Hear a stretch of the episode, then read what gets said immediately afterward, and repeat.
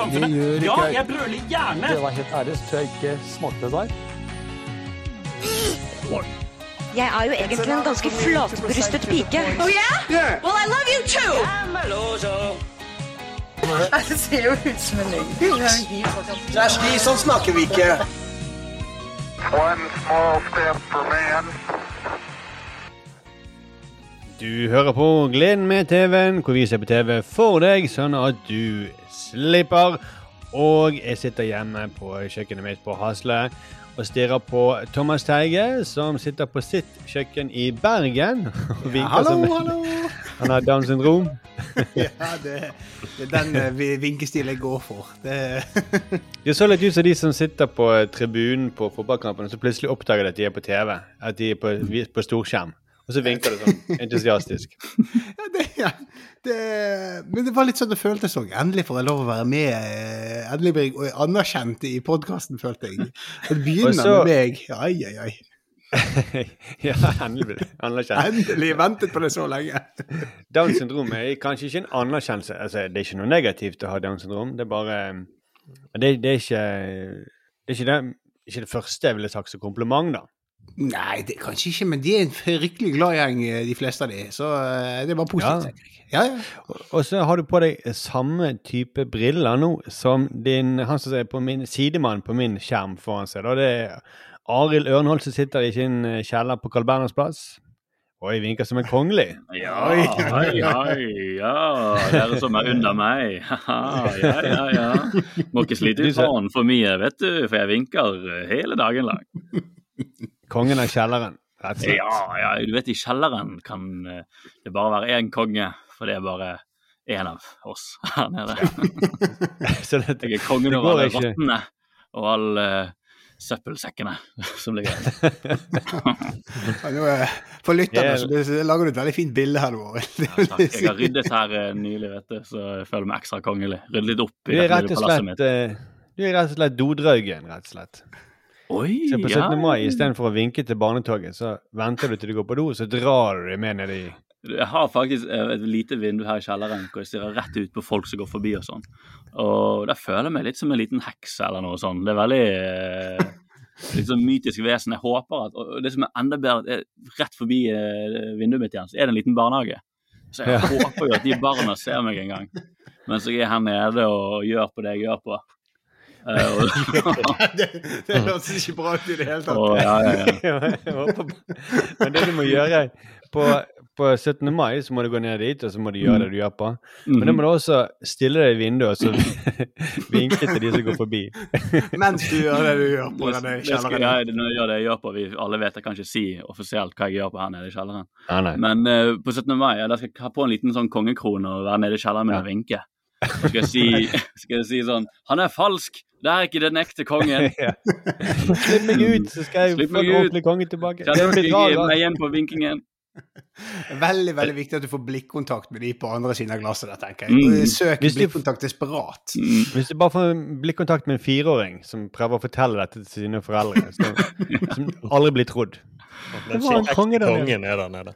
ja, altså, målet i, livet, målet i livet er jo å være et traumatisk minne hos en fireåring.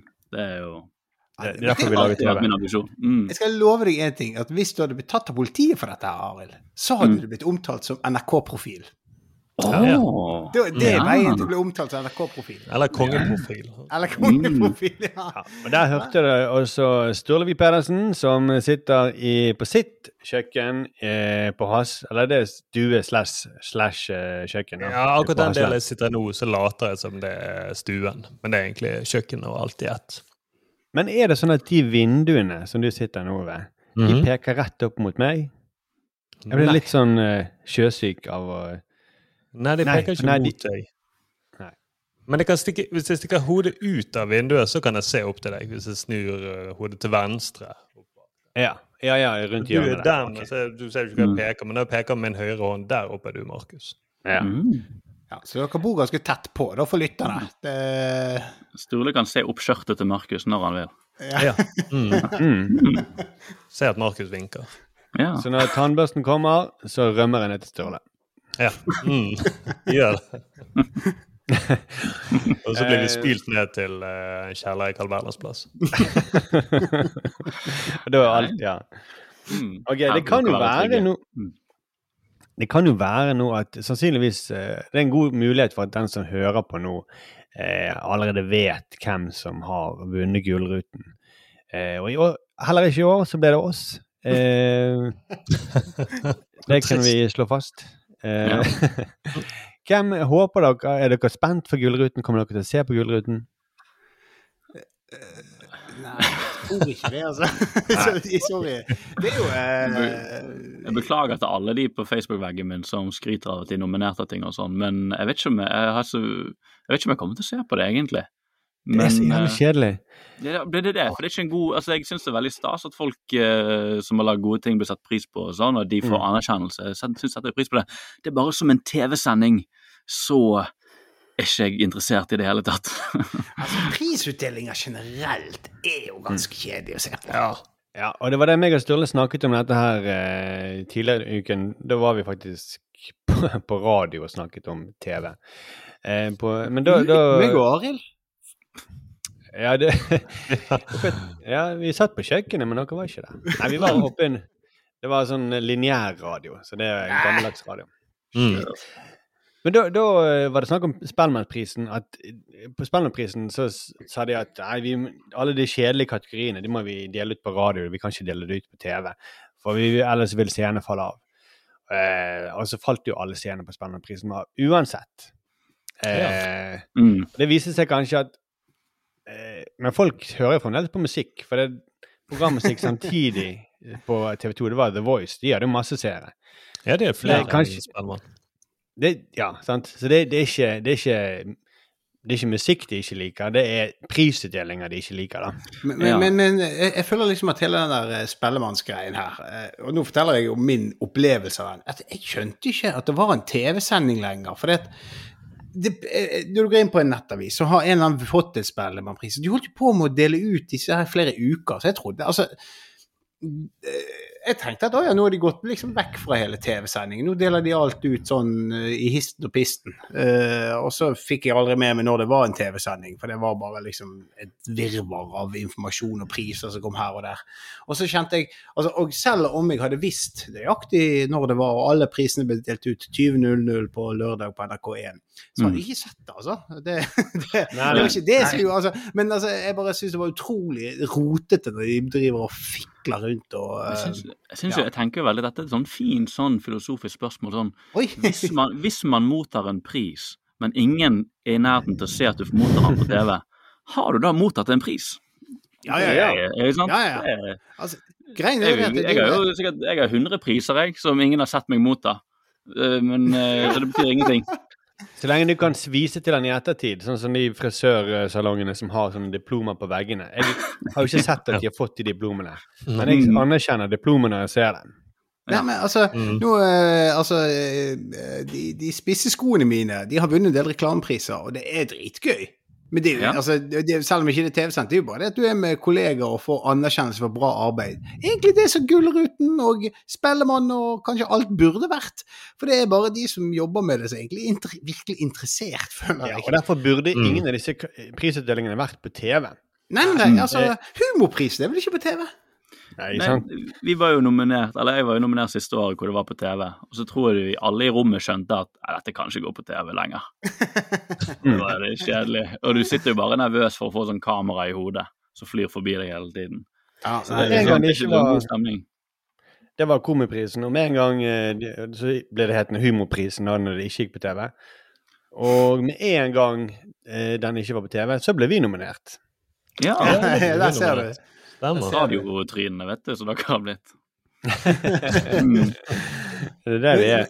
Men det er litt sånn der eh, Men det er litt uh, um, åh, Nei, nå glemte jeg egentlig eh, hva jeg skulle si her. Beklager. Tenkte du på prisene dine, Thomas? Ja, jeg drømte meg vekk til den, Mm, de gode, fine prisene mine. Ja, det var veldig det, altså Oscar-utdelingen og sånn sliter jo masse. altså uten, Hvis ikke det var for at Will Smith smekket Chris Rock i, i år, så hadde ikke folk snakket om Oscar-utdelingen lenger. og de har jo, Det har jo vært en storyline der at de, det bare daler i seertall. Fordi til og med den største prisutdelingen i verden fenger ikke folk lenger. Fordi jeg tror, vet ikke, jeg tror ikke det samlingspunktet det tidligere har vært den fellesopplevelsen av å se de du heier på, de du liker, og bli anerkjent, er liksom ikke det samme lenger. For de blir anerkjent hele tiden i sosiale medier. Ja, sånn, ja, ja. Det mister Ja, og litt den der eksklusiviteten, kanskje. Mm. Og så er det sånn at nå, kan, nå konkurrerer det jo med så sånn, Det er jo fremdeles store ting som kan samle folk, sånn fotballkamper eller noe sånt. Men nå Mm. kan du tenke mer igjennom er dette virkelig vits å bruke tiden på. Ja, jeg vil bruke tiden på det.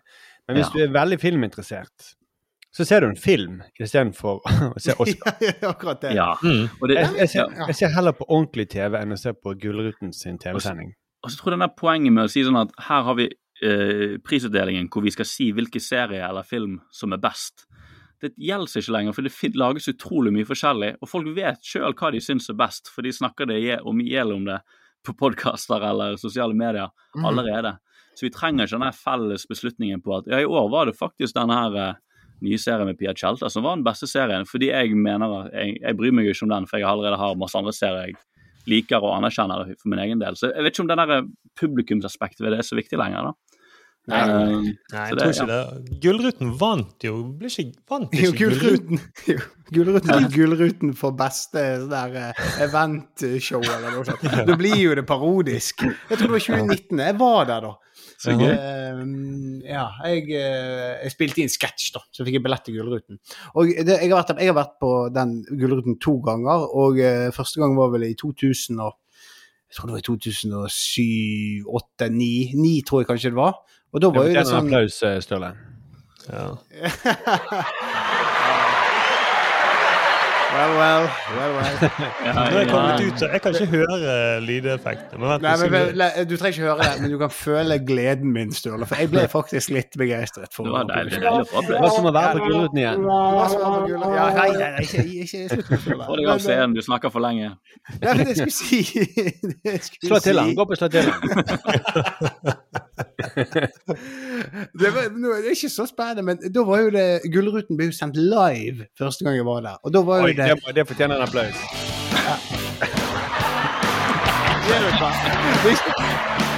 Poenget, poenget var jo at det var en prisutdeling som òg jævlig kjedelig å være på. For det, at, eh, det var jo pause for nyheter og sport.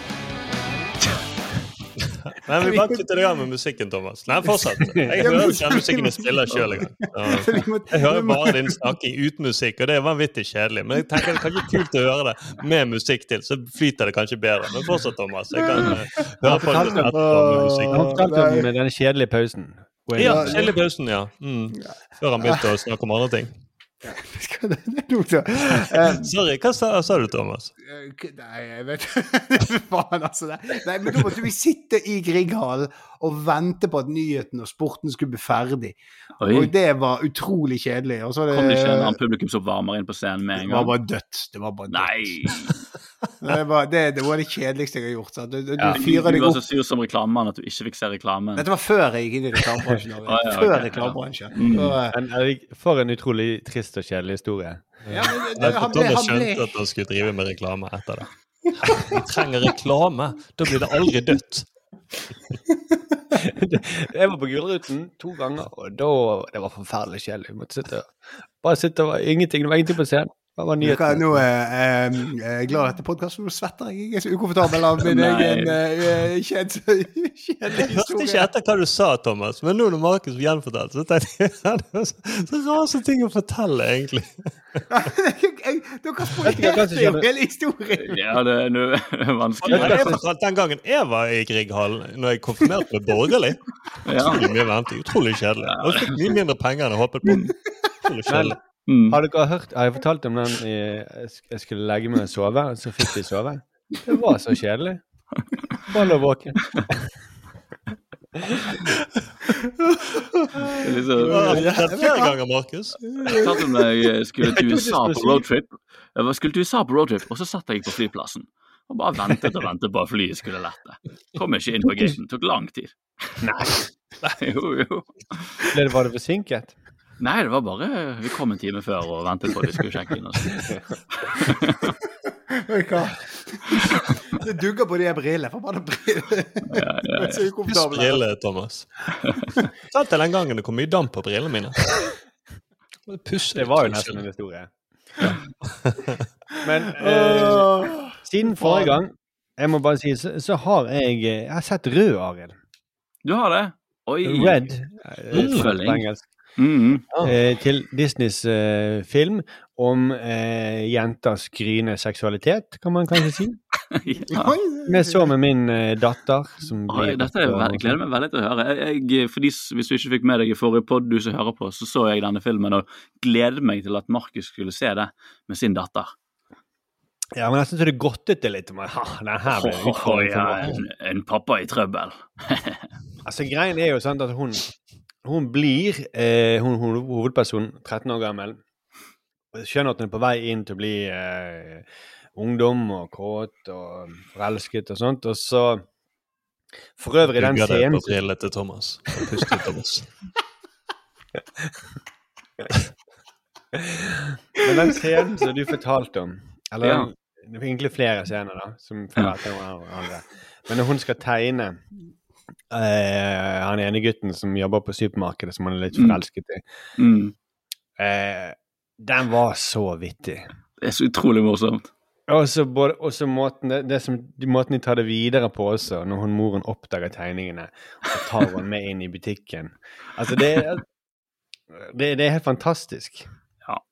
Det, Jeg har lyst til å se den. Jeg har ikke lyst til å se den pga. av uh, Arild som godtet seg så mye. Så tenkte jeg jeg skal ikke se denne. Men nå, ja, nå kanskje jeg er mer tilbøyelig til faktisk Men det er en oppriktig veldig god film, og jeg tror eh, det er egentlig bare bra at man slipper å tenke på eh, far-datter-forholdet sitt mens man ser på den. at man bare får lov til å nyte det som en go godt lagd eh, film. da. For det, Jeg syns jo fremdeles at det er en av de mest underholdende filmene Pixar har lagd på lenge. For det er så mye energi i den, og det er så, de, de har så mye de har lyst til å dele, virker det som, av detaljer og opplevelser. Veldig kult. Og så uh, den symbolikken gikk nok litt sånn tapt for min datter. Det at uh, dette her skulle være et symbol på det å bli uh, voksen og sånt. Men, men det som er kult, da, slutten, hvor de Jeg tror noe appellerte må ha gått inn, for det at Det gjorde de jo så tydelig. Det sier de jo helt til slutt i filmen, at eh, den rotete siden som mange har, den kan være Den kan være verdt å ta vare på. Mm. Eh, den mørke, litt uregjerlige siden som alle har. De, Mm. de, sa det, de sa det litt mer snappy enn det, da. Beklager. Det var- Men, eh. For det, det, det er jo på en måte ikke bare om seksualitet og sånt det handler om, eller pubertet. Det handler jo også om at hun er en veldig sånn flink pike.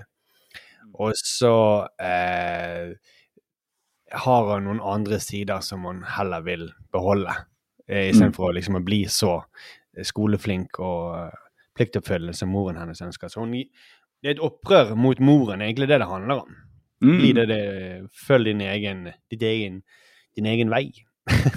Ja, og da tenker jeg det var sånn taktisk smart av deg som far å se han med henne, sånn at dere to kan liksom konspirere litt mot eh, mammaen i, i huset, da, på en måte. Ja, for hun er en bitch. ja.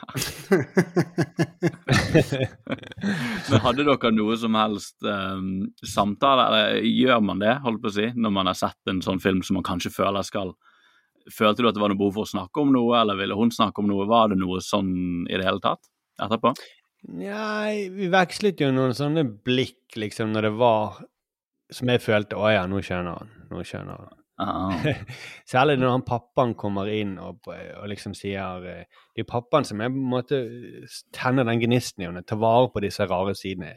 Og den fikk meg til å le. Ja. Eh, Det tror jeg gikk inn på henne, og hun følte på det, og så satt jeg der, og så For vi har snakket mye om det, faktisk, da, om at eh, i klassen så, så er det så mye tull og tøys. Det er noen som lager så mye halloi. Og så Mm. sier har læreren sagt at det er ikke lov til å le av det. Ikke le av det. Så min eh, datter hadde tatt det veldig bokstavelig, så hun, hun ville ikke le på skolen. Å nei. Oi. Eh, hun syntes det er så vanskelig å gå på skolen, for hun kan ikke le. Så det har vi akkurat snakket om, at jeg tror ikke han mener det så bokstavelig. Ja, for- Hun ja, elsker jo dere- det. Det er, hennes, eh, det er noe av det beste Hun går ikke på skole i en Roald Dahl-bok, gjør hun det? Nei, det var litt det. hun han ikke lov til å le? Han kan ikke mene det. Sakte Og sikkert blir folk usynlige fordi de ikke klarer å Ja, ja, det er før. Men, men, men sånn, sånn, eh, sånn sett funket den filmen bra, da. Han gikk rett inn i det.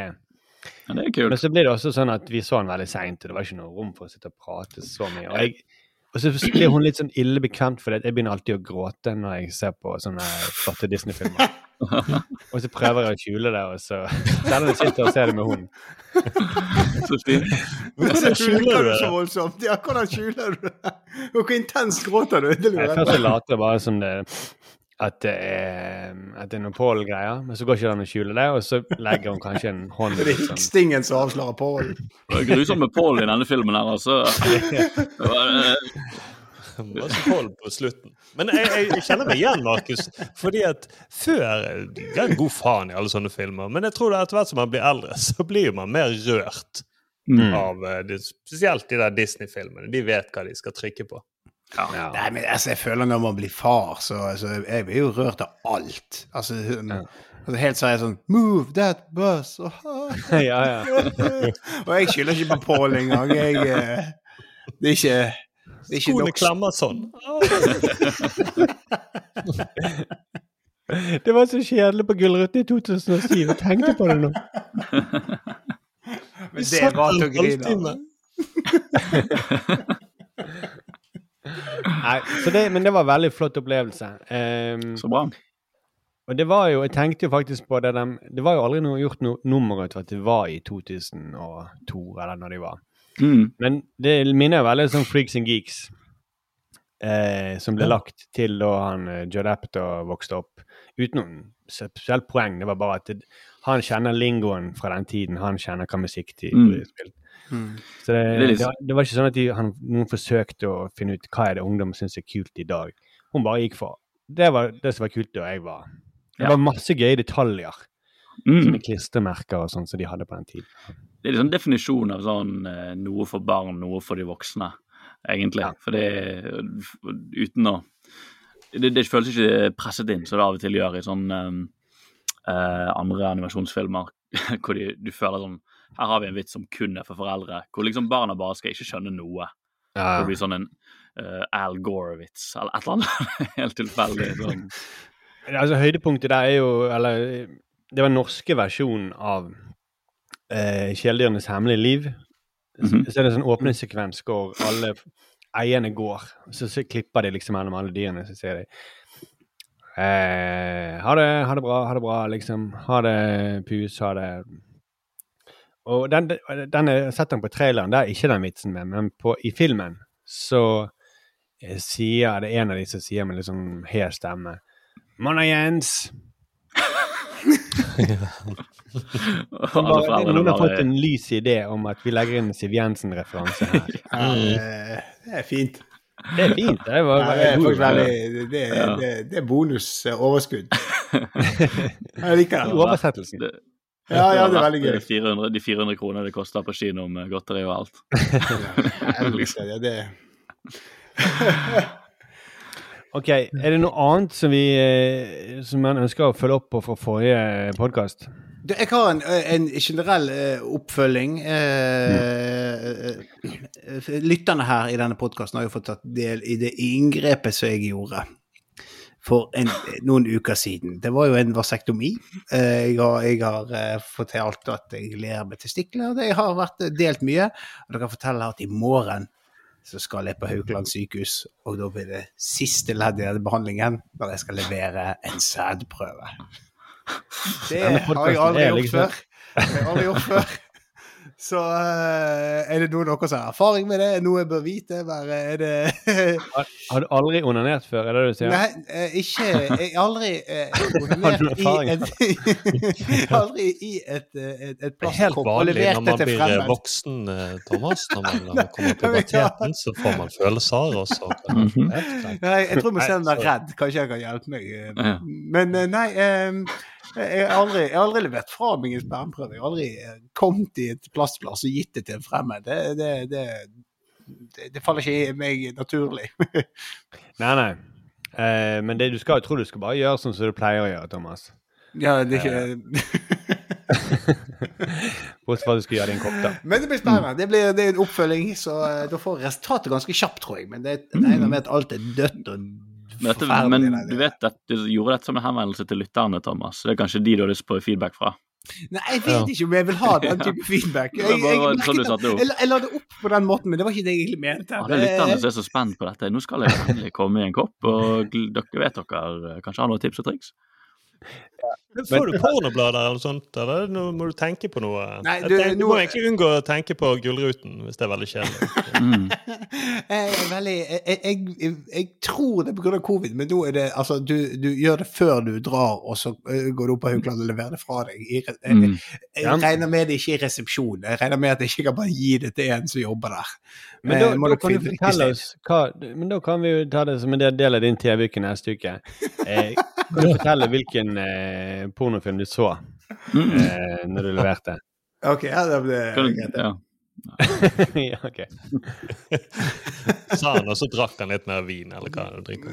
Ja, det, Tror dere folk kommer med nå, Dette handler ikke om deg lenger, Thomas, dette er på sånn generelt grunnlag. Tror dere folk kommer til sånne ting med sånn sin Jeg tok med min egen, jeg. Eh, Det greiene dere har ja. her, det uh, funker ikke. Jeg har, en, Ja. jeg har en veldig spesifikk kink, skjønner dere. Så det kommer de med en koffert eh, som er sånn tre låser i sånn aluminiumkoffert eller noe sånt. Men det er jeg et lite tror dyr inni. Sånn. Ja, du hører den dunkelyd sånn men, men, men altså, eh, før kunne du jo liksom tror jeg gikk jo for ryktene, jeg vet ikke om det, det var det, men at man fikk se porno, eller por- pornoblader når man eh, var på sånn her. Mm. Men nå har jo sikkert alle folk sine egne preferanser. De har liksom fintunet inn «Nei, Jeg må se Ja. den filmen. mm. Eh, Med den naboen. Jeg mener eh, mm. ja, sant. Folk har med seg ting. Nei, men det må være ulovlig. Ja, men det er jo må være i Thailand, så jeg må ta et fly til Thailand, og så må jeg Mm. kjempe tilbake.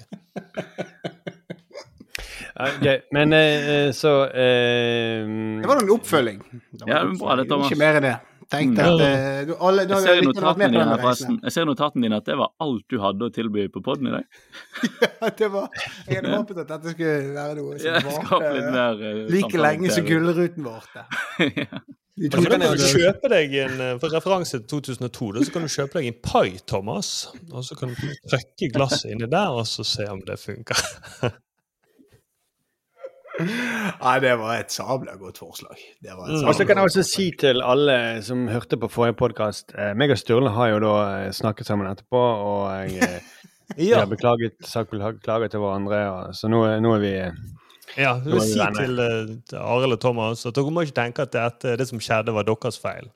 Oh, ja. Selv om det var Thomas' feil. Det var det jeg sa, Thomas. Ja, vi snakket sammen på Ja. soverommet etterpå. Ja. Mm. Herregud. Ja. OK. Skal vi gå i gang med å snakke om vår TV-uke, da? ja. Ja, ja, ja, ja. ja. Mm. ja la oss. Hei.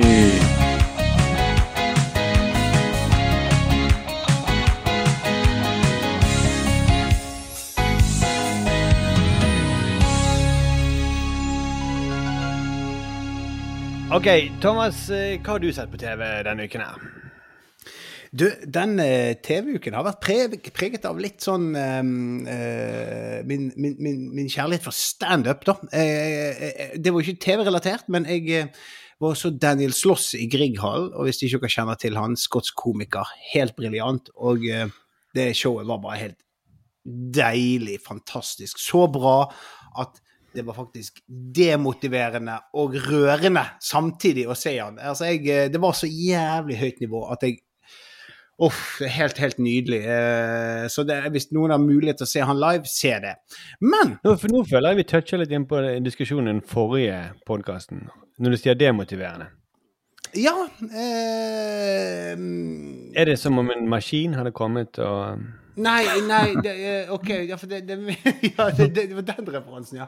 Nei, det er så høyt nivå på det han gjør, at man liksom eh, Det nesten demotiverende, fordi at det er så langt over det jeg tror jeg er kapabel til, da. Det er det. Eh, og, eh, Da er det jo nesten som en uh, vært en Ja, maskin. men så er jo ikke det samme greiene jeg gjør, da. Så det liksom, men, det er liksom, men det er nesten for, uh, men, men, det er samt, men jeg ble faktisk mest rørt, for det var så utrolig bra. Det var sånn at jeg Ja, jeg, jeg ble bare helt sånn Det var så gjennomført kvalitet og så elegant og så veldig godt skrudd sammen. Og det var mm. bekmørkt, og han tulte med alt mulig, men tok Han gjorde det der eh, Bill Hicks var en mester på, for de som ikke kjenner det. altså den nå døde komikeren. Han døde vel i 94, så ja, dette er jo kanskje for spesielt interesserte. Men han hadde en sånn det han sa, Han hadde òg veldig mørk humor, og han hadde sånn der You have to lead uh, uh, altså du kan ikke You can't just be on the edge. You have to lead the audience to the edge. Og det gjorde Daniel Sloss utrolig elegant, for han, han ledet publikum inn i disse utrolig mørke uh, og mørke og dystre te tematikken. Og så får han deg til å le, og det er så, det er så forløsende latter når vi er inni den. Og han får med seg da hele Grieghallen inn i det. Det var, det var helt ellevilt. Og på grunn av det så tenkte jeg at eh, en, en annen komiker som jeg er veldig glad i, er jo Jimmy Carr. Og Jimmy Carr har jo vært veldig mye kontrovers rundt for den nyeste, eh, nyeste Netflix special, eh, His Dark Materials, der han da har noen vitser med, med, med om holocaust.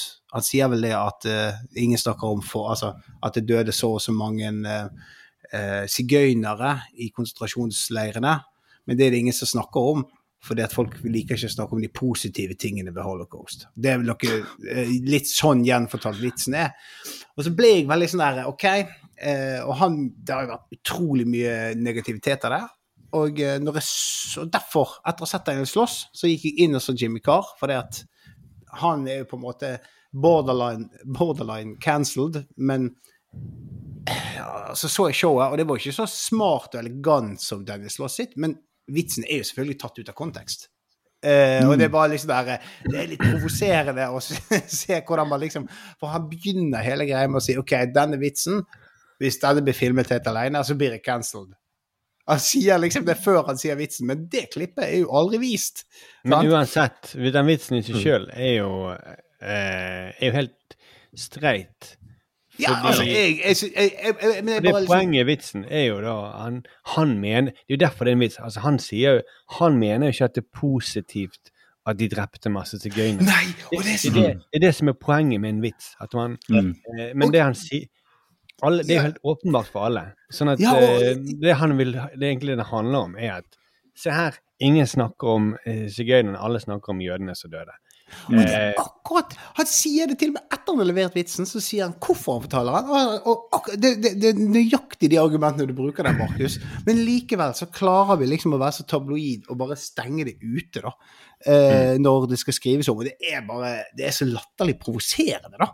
Men, men eh, uansett, ja. han lager en kontekst for å gjøre det enda mer ikke can Mm. vanskeligere å gjøre en cancel. Men uansett så er det jo en, eh, det er en, det er en helt streit vits, da. Ja, ja, ja det, det er virkelig.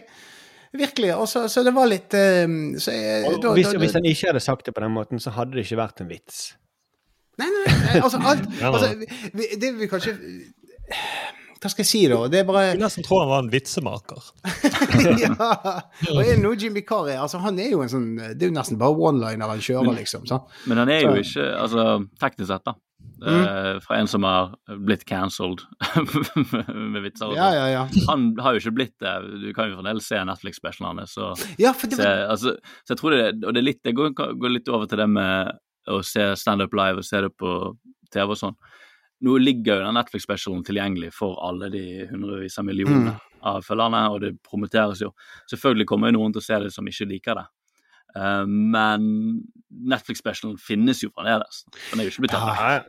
Ja, Og det, må jeg si, for det var det jeg var litt spent på, for jeg visste jo om denne vitsen. Jeg hadde jo, Så var- jeg litt sånn Ok, nå skal vi se den Jimmy Carr-greien. Har har de fjernet vitsen?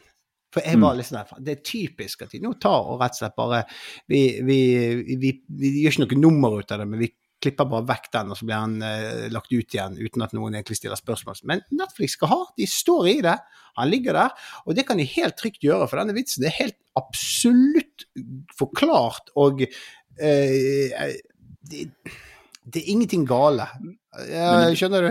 Men, men, men jeg begynner, det er da jeg begynner å tenke her at det, det, egentlig er det bare god promotering. Ja, ja, Fordi de vet jo at de har så mange forskjellige følgere på Netflix. da. Og da vet jo at noen kommer til å bli tiltrukket av at vi har dette litt sånn eh, røffe innholdet på kanalen. Og de vet også at folk kommer til å bli sur, så det tar man jo bare med i beregningen.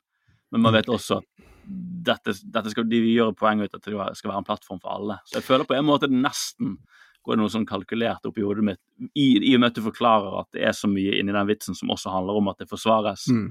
Eh, hvis det ene klippet da er det som legges fram, at det nesten føles så nesten litt bevisst. For jeg tror ikke Jimmy Carr seg om at han har gjort folk sure. Men, men, men, det, men jeg, tror, jeg tror ikke de har brukt det som promo, for dette er veldig sånn Det kommer fra en journalist eh, som vil skape en konflikt. Litt sånn som skjedde når Tonje og meg lagde 'Ikke spreng deg, heng deg'. Så var jo det en VG-journalist som virkelig ville lage konflikt, og tok Mm. sketsjen ut av kontekst til Foreningen for etterlatte etter selvmord, og sier NRK Satiriks laget en sketsj om selvmord. Nei, det var jo ikke det. Det var jo om terrorister. Sant? Ja. Men han tar det ut. De går hardt ut i VG. Og det som skjedde der, var jo det at eh, når eh, Charlo Halvorsen eh, ville møte de til møte Foreningen for selvmord til debatt, og sa ja, OK, se han, og så møtes vi for debatt på eh, ukeslutt eller noe sånt på P2. Der de trakk seg, for da skjønte de konteksten. Og da fortsatte jo journalisten å gå til neste eh, ja. forening som skulle lage bråk. sant? Så jeg tror men at det her er typisk. Poenget til Arild er at eh, det, det, det skader ikke Jimmy Carrs eh, karriere. Nei, det tror jeg ikke. At Nei. han hadde en sånn på kanten-vits og utfordra woke-folket. Men, Så det- men jeg ja, Men, eh, så så det, det kan jo på en måte si at uh, det er noen som gjør karriere av å provosere uh, de politisk korrekte unge i dag. sant? Så, Absolutt. eh, men på den annen side, eh, for du sa han er ikke blitt eh, kansellert. Men folk har jo prøvd å få han kansellert. ja, ja. Så, så det, de, de, passer inn i den cancel-debatten. Og, og sammen med Chapell, som folk sier at han ble jo ikke kansellert, han lever etter beste velgående. Ja, men folk, det var jo, folk gikk jo inn i styremøtet på Netflix, ansatte Mm. der, og liksom protesterte, og de, det var jo Men der har jo vi noe Det er jo apropos Netflix, det er jo en sånn uh, standup-festival som heter Netflix is a joke, som foregår nå i, jeg tror, USA. Der eh, Dave Chappelle ble angrepet på, scenen. Jeg vet ikke om Mm. dere har lest den saken. Jo. Mm. Eh, Jeg hører Å ja, vi, har, vi, har, vi er såpass forberedt. det- ja, jeg, jeg, Her skal dere høre et uredigert klipp fra VGs dekning. Ja. History. History. History. For det er jo verdens minste klipp som eh, sirkulerer. Dette er Jeg trodde det var en teknisk feil. Jeg, nå, eh, det, det, det er 15 sekunder, eller hvor langt det var nå, fra VGTV sin eh, nyhetssak om det. For det er bare en sånn ja, en ett sekund snutt av den videoen, akkurat når han blir taklet. Jeg Viser seg trodde det var- Jeg tror det var for julebordet til Bernt Hulsker og VGTV. Jeg tror det, er der det var. Det hørtes veldig sånn ut. Mm. det var på syng, det da. Ja, ja, ja. Nei, men ja. nei, det vil aldri VGTV laget en sak på. Nei, nei, nei. Nei, nei, nei, Selv det ville vil aldri dekket, selvfølgelig. vil ikke dekke det i det hele tatt. det. Nei. Eh, Men, men, eh, eh, han er ikke lenger eh, hos Max Social. Da. ja. Og det er jo han ikke lenger, så da kan de lage saker på det. Mm. Nå, nå kan det komme fram. Mm. Eh, nei, men eh, det, apropos det klipp, jeg sett på Twitter så er det flere klipp fra den uh, festivalen hvor David Chappelle blir, Dave Chappelle blir um, uh, angrepet og sånn. Og så det som er så fantastisk, er jo at Chris Rock er der også. Mm. Og han Ja. hopper opp på scenen, og selvfølgelig så sier han Oi, var det Will Smith? Mm. Og det er jo så utrolig Jeg bare tenker det er så genialt, for det er den ene vitsen alle har i hodet når de ser det skje, og så er Chris Rock der og får lov til å levere det. Det er som at han er magisk. Er som at han har fått en sånn magisk evne til å dukke opp når folk blir angrepet på en scene, og så får lov til å bare si sånn Hæ? Will Smith, hæ? Han- Det Ja, som at han er blitt gitt det av standup-gudene. Tror du, Det kan tror bli du, hans, eh, eh, Chris Rock bare står stod og dytter dyttet han opp og så sånn, Kom igjen, gå på tann. Jeg har. Det blir verdt det. Men det er jeg også så masse, så masse klipper Ja, det er så også så masse klipper. Var jo eh, Etterpå så ble jo han fyren kjørt ut i ambulanse, eh, han som hoppet opp på scenen og, og Mm. ta, taklet han som en slags sånn amerikansk fotballspiller. Mm. Eh, for det, det som skjedde, var at David Chapell og alle i crew, alle vennene hans, de hoppet jo bare på han og skambanket han. yeah. Han trodde han hoppet på Dave Chapell i 2004, som var veldig tynn, men nå er han jo blitt så jævla svær at eh, jeg ville aldri hoppet på han. Nei. Og så kan man jeg bare leste det, jeg vet ikke om det var det, men det var Buster Rhymes og Jamie Foxx var med å banke. Mm. helvete, det, det er liksom feil folk. Det er så feil folk. Men altså, Det sier eh, også ja, litt om crewet til Chris Rock, da. Ja, det Han har ikke så mange uh, som hjelper å banke Will Smith. Men jeg, jeg er så eh, Helt tilfeldig så hørte jeg også denne uken så hørte jeg sånn podkastintervju med Gervais, eh, som, som Sam Harris sin podkast. Mm. Eh, og da snakket de om For det, det var handlet om denne Will Smith-greien. Og da satt de og snakket om eh, for Gervais sa at når du er på scenen, så er det hjemmet ditt. Og Mm. liksom ingen skal komme inn her. Hvis noen kommer opp på scenen, så er det som om noen bryter seg inn i hjemmet ditt. Det er veldig invaderende. Så han var litt sånn Hva skjer nå framover? Ja. Eh, de sammenlignet litt, litt med disse bløtkakeaktivistene som holdt på i mange år. Som egentlig som tok bløtkake i trynet på alle sånne eh, kjente politikere og statsledere. Som tenkte at de bare holdt på med uskyldig moro, men for de som ble, fikk bløtkake i trynet, så var det veldig invaderende. Da, fordi plutselig så fikk de en følelse av at ok, her er, nå er det en grense som ikke er hellig lenger. Mm. Eh, og det satt jeg og sa, hva skjer med komikere? Det kommer til å komme mange komikere, altså på mange små steder rundt omkring i USA, så kommer folk til å gå på scenen og slå til en komiker. Folk har Mm, lyst til det nå framover. Ja, ja. Mm. Men det er jo på en måte en forlengelse av hackling egentlig. da. Mm. Ja. Altså, OK, jeg liker ikke vitsen, og så eh, Vanligvis ville man ropt et eller annet. Sant? Men nå så Nei, jeg går bort og smekker til. ja, men det er det, det, noe På med måte. Men det er noe med komikere at publikum føler et ekstremt eierskap til det. Til den grad at hvis det er noe man prøver å få kansellert, så er det jo komikere. Eh, og det er også noe at hvis det er noe man føler man har lov til å slå i trynet, så er det, uh, gå opp og, når de gjør jobben sin slå det i trynet, så er det komikere. Eh, det er litt interessant det der eh, altså Jeg tror veldig mange standup-komikere sliter med det forholdet de har til publikummet sitt. da. For du, selv om 90 av de er gode, så vet du at 10 av de kan ødelegge karrieren din. Eh, Ja, og så ja, jeg, jeg, jeg, ser det som, jeg ser det som en slags forlengelse av den Eller det, det er på en måte litt av samme trend som en kanselleringskulturen. At folk Mm. Altså, når jeg Som på 90-tallet, liksom, når jeg begynte å interessere meg for standup, så var det det aller dølleste folka i samfunnet. Det var de som reagerte på humor. Mm. Det var George Bush sin kone, altså George Bush den eldre, som reagerte på Simpsons, liksom, og tok vitsene for bokstavelig. Mm. Og nå er det liksom de toneangivende unge folka som gjør det. Og det tror jeg er med på liksom, eh, det, det, Man har ikke så respekt lenger for at humor liksom La humoren være fri, humor, kunsten skal være fri. Så det kan være Mm. bra, liksom. Det kan være bra, men det fører altså noen med seg at folk eh, For hvis du ikke tar det som humor, så, så ser, er, det, er det bare en fornærmelse. Hvis du ikke ser Mm. en vitsen. Ja. Ja. Nei, det er helt Og eh, neste skritt blir vel at man går opp og så smekker til uh, gitarister i band og sånn. Jeg liker ikke den gitarsoloen. Smekker til.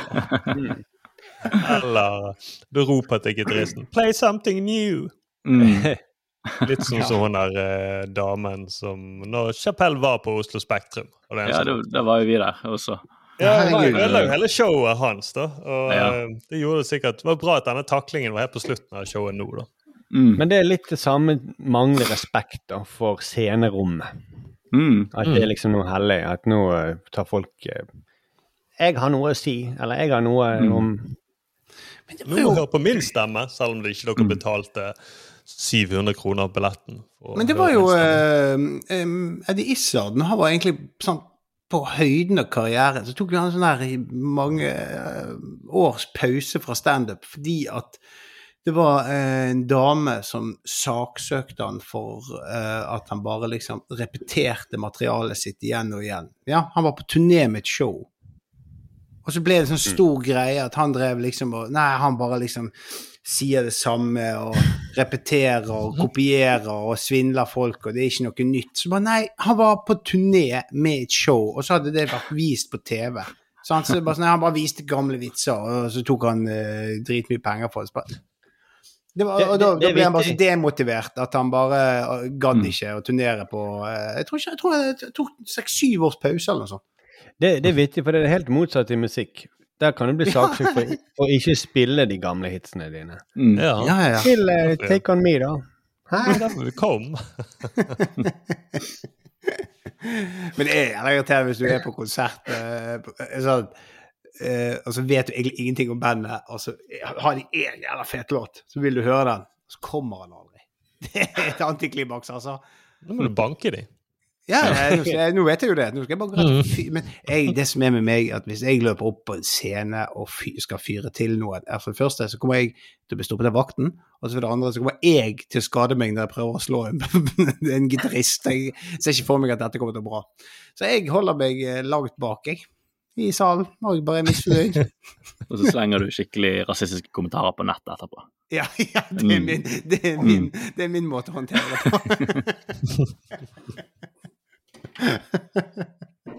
Det trenger ikke være relevant engang til Nei, eh, det er- musikken eller bandet eller eh, gitaristen. Det er bare å slenge det Du går inn på, denne, lille- på nettsiden deres, i kommentarfeltet i liksom e-butikken deres, og bare får så jævla mye grums. Ja, skriver sånn kommentar på sånne der eh, eh, T-skjorter de selger og sånn.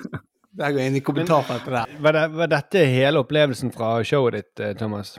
Nei, altså eh, ja, Jeg har jo sett flere standup-ting, da, men jeg, jeg ville bare si en, det som kanskje var den største svakheten med Irrelevant for, uh, for sendingen.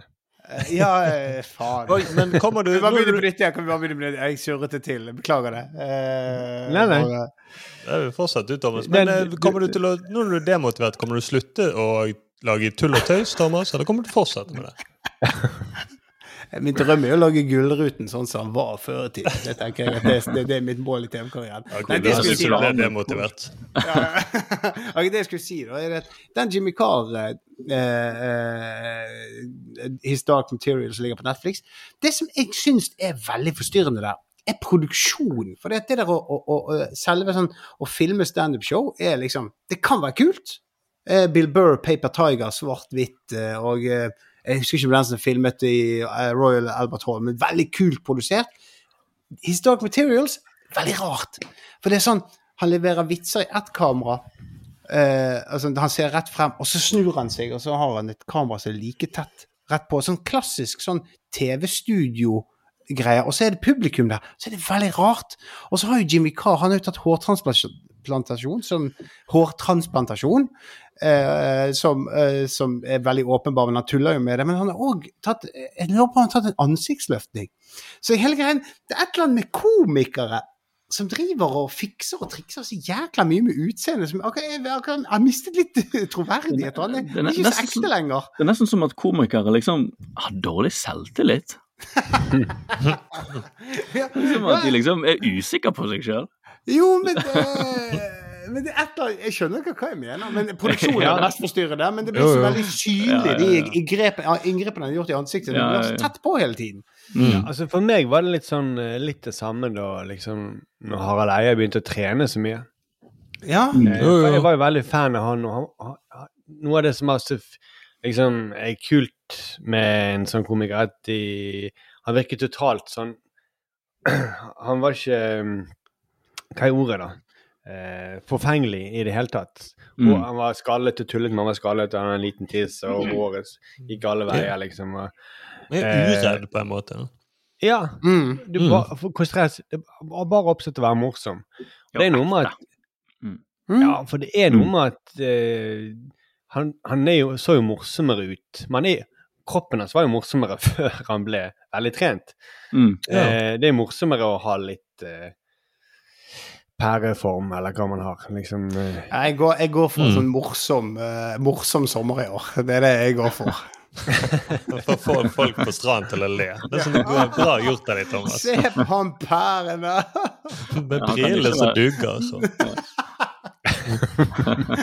Det er min sommerkropp. Det er morokroppen. Det er Jo, men det, men det, når komikere blir veldig rike, så blir det også sånn hvis de begynner å ha vits Å, det er så kjedelig, og eh, hele tiden fly, eh, privatfly og sånne ting. Så liksom, det ah, Men der er jo sånn eh, Ricky Gervais føler jeg gikk litt i den fella med, med den eh, Med fame, var det vel. Altså For han har gjort veldig mye narr av populærkultur og kjendiskultur. Og siden i de aller siste showet hans, så er han liksom så åpenbart en del av det. Og uten det var- ironi. Det er veldig sånn eh, Jeg syns det var litt kjipt, siste showet hans. Altså. Han Ja. er en jeg virkelig beundrer. Jeg skal bare jeg si at jeg, jeg, må, må bare si at eh, jeg, jeg sjøl er jo forfengelig til den grad at um, jeg har begynt å trene veldig mye. det er ikke bare forfengelighet, men det har jo også med at jeg er livredd for å dø, selvfølgelig. Ja, jeg føler uh, Det er noe med. Det er veldig stor eh, Jeg føler at den motivasjonen Det er jo nesten en komisk motivasjon, og den vet jeg er reell, Markus. Og, eh, Mm. For vi deler jo den, uh, den eh, angsten for døden. Ja. Men, det- men, men det å ta operasjoner, da vil jeg føle at det svi, eh, svikter min egen Du har jo tatt operasjoner. Ja, men jeg føler det veldig lite kosmetisk. Men igjen, Ja, det var en veldig komisk operasjon. Så det, Ja, veldig komisk. Morsomste komisk. operasjonen jeg kunne gjort. Morsomste inngrepet jeg kunne gjort. Ja, det Mm. Men jeg vil hva. føle at jeg da svikter det med liksom mitt yrke, da. Eh, som er eh, Altså å, å drite i sånne ting. Man skal jo ikke være redd for sånne ting. Man skal jo det, som er så, det. som er så forfriskende i Always Sunny in Philadelphia, som er Mm. en veldig Ja, gøy serie. for et. FX. Eh, De som lagde den, er jo en gammel vennegjeng som har fått egentlig veldig frie tøyler og veldig mye kreativ frihet. Så de gjør mange kule påfunn og tar serien sin ganske seriøst. Og det var han Rob McElhaney, som en av skaperne. Han gjorde en observasjon at jo lenger TV-serier går, jo vakrere blir skuespillerne.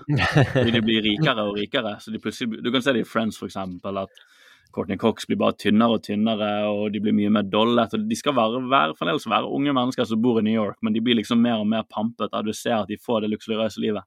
Så hans poeng da, for denne serien har jo gått nå i Den er den, er, den eh, lengstlevende lengst- komiserien nå. sitcomen, ja. Det er 15 sesonger, jeg vet ikke hvor mange. Den har gått utrolig lenge. Ja. Så han gjorde poenget ut av at jeg vil ikke at vi skal se ut som at vi blir kjekkere og kjekkere, så neste sesong skal jeg legge på meg sykt mye vekt. Så blir det en sesong utrolig morsomt. En sesong hvor han, karakteren hans, da Mac, bare blir så utrolig feit. Og han legger ikke merke til det sjøl engang. Han bare blir kjempesvær, liksom. uh, og det bare skjer ut av det blå. Liksom. Og han spiller jo liksom et rasshøl som bare ikke bryr seg. Som uh, tror at han spiser for å bli sterk, men er bare jævla dum. Så blir han bare tjukk istedenfor. Det bare ser så jævla vittig ut, da. Det er akkurat det. Mm. Da bare blir det veldig morsomt. Fordi han ikke bryr seg. Så det er en veldig Mm. frigjørende ting. Mm. Og I den serien altså Det er virkelig en perle. Det er jo Danny DeVito spiller der. Og det, jeg syns jo at han er så sinnssykt morsom i den serien. Og han i den, altså, i den, Når han kommer inn i serien for, liksom, Jeg tror i sesong to de fikk han inn, og så han, skulle han være en birolle. Så ble han bare eh, hovedkast. Og han, han nå det, han sitter jo liksom i sånn jævla flekkete helsetrøyer, truse og spiser kattemat og er bare så sykt ekkel. Og han er så morsom når han gjør det. For det, er- det er liksom sånn, Danny DeVito har jo det jeg vil kalle som et morsomt utseende, men han virker det! Apropos Han dyrker det! Den serien lever jo av at han er fri, og det er der, jeg tror derfor Ja. folk blir mer mer tiltrukket av han, fordi den er så frigjort, og de slipper unna med utrolig mye, for de er veldig smarte, og de vet hva de kommenterer, og de vet hvilke grenser de kan krysse. Ja. Men de har jo gjort alt av blackface og Ja, rare typer all humor, men fordi at de figurene er rasshøl. De er Ja. mennesker, og det, de bare dyrker det så Ja, veldig. midt i Jeg tror det var jeg lurer på om det var når Black Lives Matter herjet, så hadde jo de en episode første episode i sesongen het The Gang Goes Black. Og da er de bare sånn at de er ute og drikker, så plutselig så våkner de opp, og så er alle blitt svarte mennesker. Så er det bare, så er de bare dubbet svarte skuespillere med sine stemmer. Så gjør de bare Det er bare så jævlig sånn rar greie. Sant? Og det Men- Men ja, jeg serie. Gervais er jo sånn typisk eksempel på en fyr som Han, han slo ikke gjennom for han ble nærmere 40. Mm. Så han hadde jo faktisk veldig mye gratis der. Han, Mm. han eh, Alt hans materiale spilte jo på ekte, vanlige folks liv, liksom. Ganske Mm. lenge.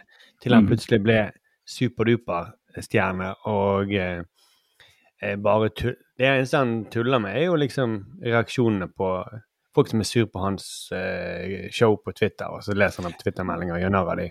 Ja, og det, og det syns jeg er kjedelig humor. Når eh, komikere er så utrolig fornøyd med egne svar som de har på Twitter, så leser de opp som en del av standup-showet. Sånn Så er det bare relevant for Ja. andre komikere. og Ja. Det er ikke relevant for, for vanlige folks liv, da.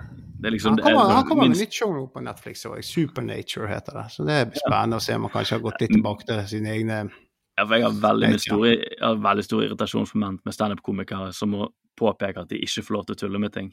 At det er Mm. veldig synd for dem. Fordi det er så navlebeskuende. da. Det er jo, du skal jo egentlig bare få folk Du er der for å få folk til å le, men så blir det så mye om deres problemer med å gjøre jobben deres. Og så blir det litt sånn Ja, men er du god i jobben din da, hvis du klager så mye over at du ikke Det er nå én ting, men en annen ting er at det er en, det er en Jeg har jo også meninger i den debatten her, men det, det, det er ikke det som det er det viktigste i Jeg tenker ikke det er hele mitt liv og hele verden min.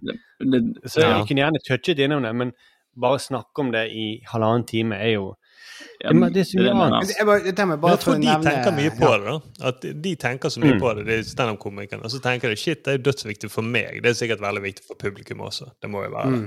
Men en, en ting, For å ta Daniel Sloss-showet som jeg så, da. Eh, det han hadde så helt sykt genialt, vil jeg si, var at han snakker om, han snakker om eh, latteret i vitenskapen, eh, og at de har funnet ut at rotter ler. Og, og det bruker han som en inngang for å gå inn til mørk humor. For det er jo fordi at hvorfor, hvorfor, hvordan de fikk rottene til å le, og at det er jo fordi at de man trigger fryktelementet. Altså, man ligger de på rygg, og så tar man, kiler de på magen. Og når, det vanligvis skjer, så er det fordi at et, et, et, et, rovdyr tar de. Men du, når det ikke skjer, så begynner de å le. Når de skjønner at det, det, det er en veldig morsom greie, og det bruker han. Og så vitser han selvfølgelig masse rundt det, men han bruker en vitenskapelig tilnærming for hvorfor det er greit å le av mørke ting. Det er en av inngangene han bruker. Han har mange varianter, men det var veldig sånn Da sitter du igjen og er det sant? Ja. Ja, det er sant. Jeg måtte sjekke det sjøl, liksom. Det var ikke bare piss. Ja, det står i den boken min som du aldri har lest. eh, det her- Fuck, der ble jeg avslørt. Altså. Det er den han har lest. Det er den han har lest. Ja. Men, ja, de men det, det er jo det samme. Eh, når, eh, det er jo et signal om at når man lekeslåss, når Ja. primater lekeslåss, så lager de sånn lyd som, Mm. som de tror er forløperen for latter. da. Og det er jo et Mm. signal om at dette her er bare for tøys. Det er bare for gøy. Mm. Eh, det, det, det, det føles farlig, men jeg, jeg skal ikke slå deg på ordentlig. Mm. Så det, er- det er jo på en måte der humor og latter kommer fra. Ja. Mm. Men det var Ja, unnskyld. Eh, ja, men jeg skulle bare si at det er litt sånn som om de der eh, munkene på Atos som Sturle snakket om forrige sending. Mm. Eh, hvis de skulle hatt standup, så ville det bare handlet om eh, Gud, da. Eh, for det er det liksom det viktigste i hele livet. Ikke Ja. vært relaterbar for noen andre. Nei, sant? det ville bare vært Gud. Og så ville de hatt litt eh, noen vitser om hvor digg det er når eh, ikke de pilegrimene kommer og besøker. ja. Da kan de bare være, sitte og lese Bibelen og be. Mm, jo, men det er det. det, det. Ja, det blir, de blir jo mer og mer sånn ja, De blir større og større avstand fra publikum, da, egentlig. Jo Mm. mer kjent de blir. Mm. Nå må ikke vi gå den fellen at vi bare snakker om andre standup-komikere. Vi må vi snakke videre i TV-uken vår. Ja, ja, vi nå Ja, ja. eh, Ja. Men Vi er ikke så rike og eh, så veltrente ennå. Mm. Vi er vi er en del av folket fortsatt. Ja. Ja, fordi at jeg vil gjerne snakke om eh, Jeg har sett en dokumentar igjen eh, på dokumentarkjøret. Ja. Eh, og jeg binget en dokumentarserie på eh, nrk.no, en som er frontet veldig mye på NRKs nettspiller, eh, om a-ha, historien om tidenes norske popsuksess. Som er Har dere sett den? Nei. Nei, jeg sett, men jeg ble så overrasket. Så det var en trailer på IMDb plutselig, så Ja, det er en skikkelig eh, serie av han Thomas Robson, som eh, ah, ja. filmregissør. Ja. Eh, så det er en ganske solid dokumentar da, som går veldig sånn kronologisk til verks. Eh, og så gir mye plass til fin musikk. Eh, jeg blir minnet på hvor mye bra de egentlig har laget. Mm. Og det som jeg også synes var Jeg har sett en del sånne banddokumentarer, og det, det som er bra med denne her, er at den lar musikken eh, få puste. Han får leve litt. Det er ikke bare sånn Jeg spiller lite hook, og så Å ja, det var den sangen, og så begynner de å snakke over. Du får liksom Mm. høre det hele strekket ferdig, da, liksom, før eh, mm. og så eh, syns jeg de har gjort et, et veldig sånn finurlig grep. Eh, hvor det istedenfor vanlige sånne rekonstruksjoner, når de, når de snakker om eh, ting som eh, man ikke har noen bilder på, så har de eh, laget sånn animasjon i den stilen som den første musikkvideoen til a-ha. Mm. Take on me. Den Take On Me-musikkvideoen. Sånn at de har eh, liksom animert sånne situasjoner Nei. eh, i den stilen, da, med litt sånn eh, skisseaktige tegninger. Nå kom eh, katten til Thomas inn i bildet. ja, beklager det. det Jeg trodde det var vaskehjelpen din først, men det var katten. Den musikkvideoen var jo helt fantastisk, husker jeg. Det tror jeg Vi fikk jo videomaskin veldig tidlig.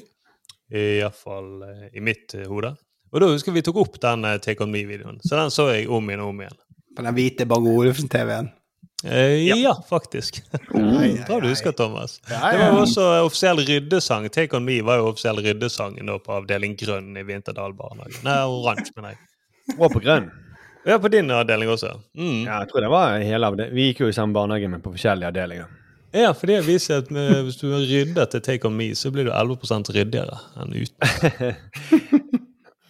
Men eh, det, det, okay, men det er nesten bare disse tre, eh, Magne Furuholmen, Morten Harket og Pål Vokter Savoy, som prater i hele eh, eh, Sånn at eh, det, altså det, det, det er et par steder det, de har en sånn kommentator som er inne og sier du aner ikke hvor stort dette egentlig var, eller hvor, du aner ikke hvor langt bak Norge lå.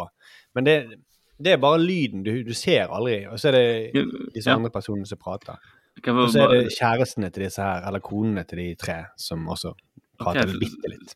Min sånn favoritting i sånne musikkdokumentarer er når de finner en sånn avdanket plateprodusent som du ser var jævlig svær på 80-tallet, og derfor bare fremdeles lever som at han tror han er på 80-tallet.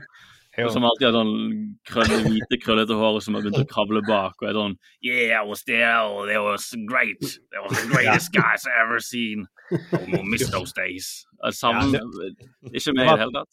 Jo, det er litt miss Det er et par sånne tidligere manag managere og produsenter. Okay, Mm. Og, og, så er det litt sånn De kommer De dukker opp litt sånn på når de skal ha reunion-konsert, og de, så leverer de par eh, par linjer. Men, men det er stort sett bare de tre som prater, da, som eh, ja, altså, Det virker nok egentlig Det er nok en sånn dokumentar som er godkjent av alle tre. Ja. For de tør ikke innom noen sånne ting som er litt, har vært kon sånn kontroversielle, kontroverser mellom de da. Mm. Eh, men det er klippet veldig sånn skånsomt, sånn at Mm. alle tre får sagt sitt om den greien. Ja. Og de har til og med klippet Morten Harket eh, bort alt uh, tåkepratet. Så han høres faktisk ganske fornuftig ut i den. Oi. det er Veldig skånsomt klippet. Så Ja, for de er jo, de er jo I egentlig traileren, skal bare si, traileren var lagt opp sånn at du ser de starter suksess, og så har de klippet inn sånne små biter av at det ble konflikt. Ja. Altså, Ja. Men så, ja. Mm. Hva skulle du si, Jan? Nei, bare det, a-ha er jo sånn, De er jo egentlig veldig sånn kultivert kunstnerisk band. Man glemmer litt det. Men de er jo egentlig sånn tre veldig kunstnertyper. Mm. Ja. uh, Mari Furuholmen lager skulpturer, og Morten Harket er jo Morten Harket, liksom. Men, så det det er interessant når de lager noe, så føles det alltid som at det alltid ligger overraskende mye mer mening bak det. enn Vi kan komme til det etter hvert. Eh, men, men i hvert fall så Det som var det som også var gøy med den dokumentaren, er at den har frisket opp hukommelsen min. For dette er jo mitt liv.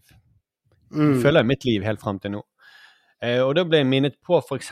dette intervjuet som ble gjort med eh, Ingvild Bryn i Dagsrevyen. Hvor hun sitter og eh, spør han hva a-ha spør Morten Harket hva a-ha hadde vært uten han, da. Hva hadde a-ha vært uten eh, Morten Harkets vakre kropp og fine ansikt? Da hadde vi sluppet en del problemer. Jeg er på en måte født sånn som jeg er født. Og jeg har aldri trent spesielt. Det er ikke lett å bare akseptere den form for oppmerksomhet. Hvis jeg hadde bedt deg nå om å ta av deg på overkroppen, ville du gjort det da? Ja, Hvis du gjør det samme. Altså oh, yeah. jeg, jeg, jeg husker det intervjuet. Jeg husker til og med at jeg syntes det var helt Faen, dette var jo dritrøyt. For du ser jo Jeg var ganske liten da jeg så det, men du ser at han er ukomfortabel. Men hun bare sitter og gliser og gosser seg med sitter ved siden av han og har bare lyst til å se han i bar overkropp.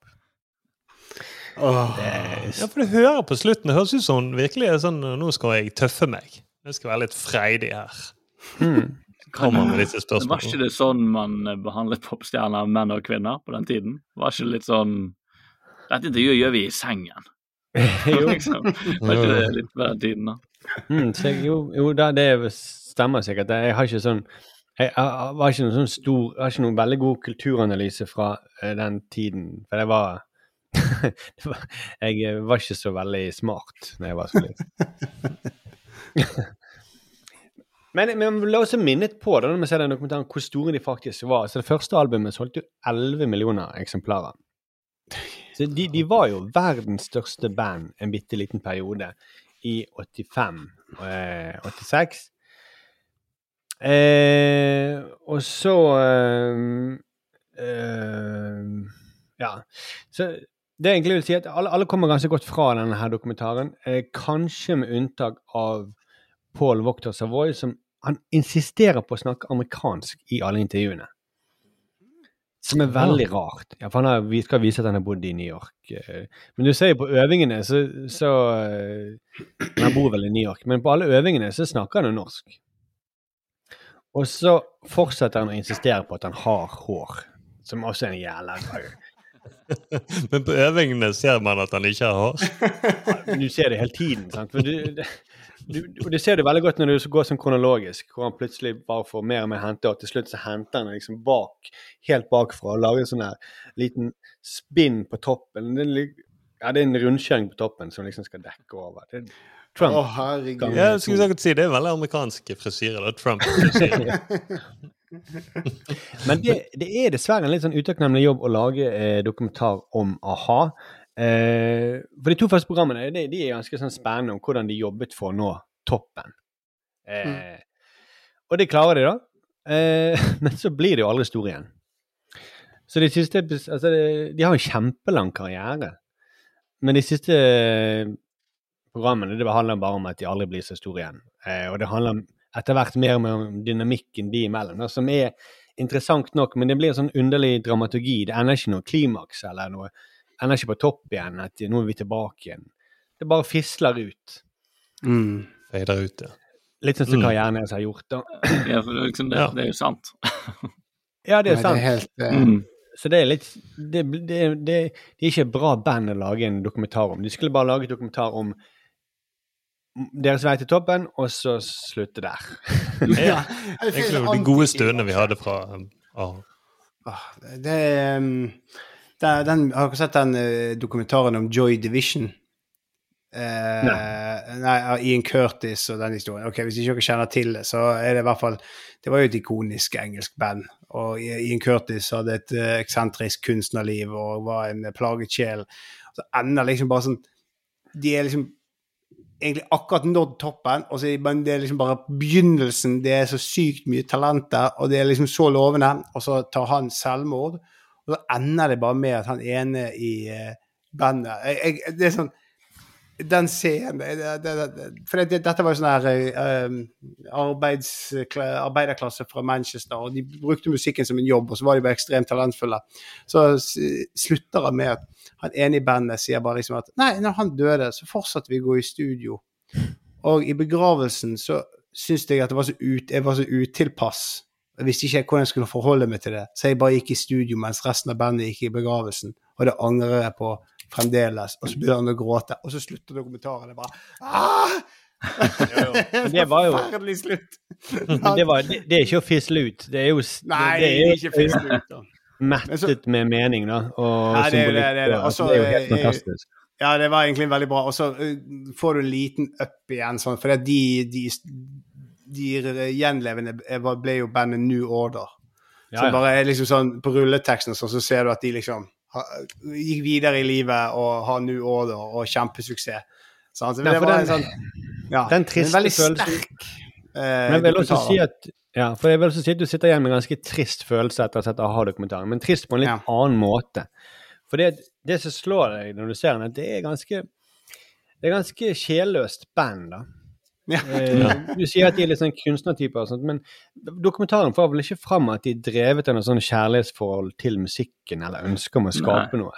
Nei. De vil, de eneste som ligger der, er at de sier at de vil bli popstjerner, og det klarer de ganske fort.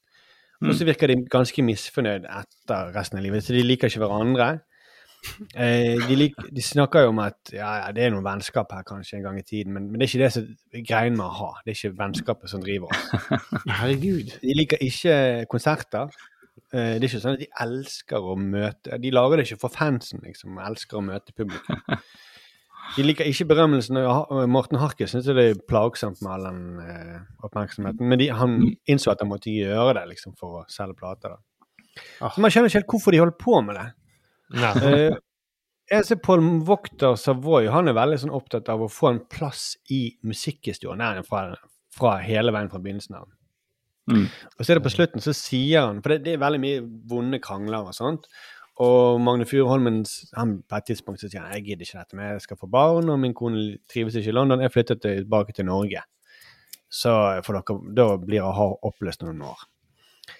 Han, han, han syns det er bare vondt. Mens Paul Wachter sier at eh, hvis, hvis det, det, er alle, det er noen vonde krangler og sånt, men det likevel fører at vi får fører til at vi får en ekstra låt inn i musikkhistorien. Én ekstra låt bare. Så er det verdt det. Så han er bare opptatt av ettermælet sitt. Han er ikke opptatt av å leve et godt liv. Nei, dyrke ego. Det var derfor han ble artist, for å kunne dyrke ego. Altså, Det er helt uh, Ja. Ja. Jeg fikk lyst til å se Spinal Tap nå, da, når vi snakker om tenker veldig- Jeg fikk veldig Spinal Tap i hodet nå. Ja, det sånn var den, eh, den lenge siden jeg har sett, altså. Ja, ja. Men det merkes også Ja, for det er jo, det er jo litt komisk, for det, det merkes også litt på det, hva, de, hva de lager. Det, sånn. altså de, de virker som de er veldig forvirret på hvem de er. De hopper liksom, de prøver å være U2 i en liten periode, og så er de sånn tenåringsband, og så uh, skifter image hele tiden. Og på den andre platen, da, da skulle det liksom Nå skal vi vise at vi, skal, vi er mer seriøse. Og da hører du at de har, de har ganske mange artige, ambisiøse ideer og uh, artige lydbilder og sånt. Uh, og da insisterte de på at dette, dette må være singel. Da kranglet de med plateselskapet. Men bare hør et lite klipp herfra.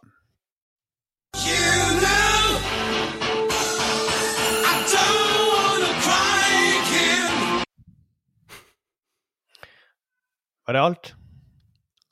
ja, tror det. Kom en gang Jeg til. har klippet den for tidlig. Kanskje.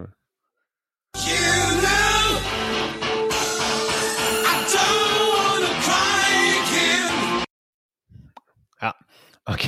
Jeg trodde klippet var lenger. Men, men det, er, det er noe sånn indie-cred-band over musikken og lydbildet. Eh, Mm. men teksten eh, Altså, det burde vært en sånn absurd Talking Heads-aktig tekst til denne her eh, musikken, men I Don't Wanna Cry Again Er de 13 år?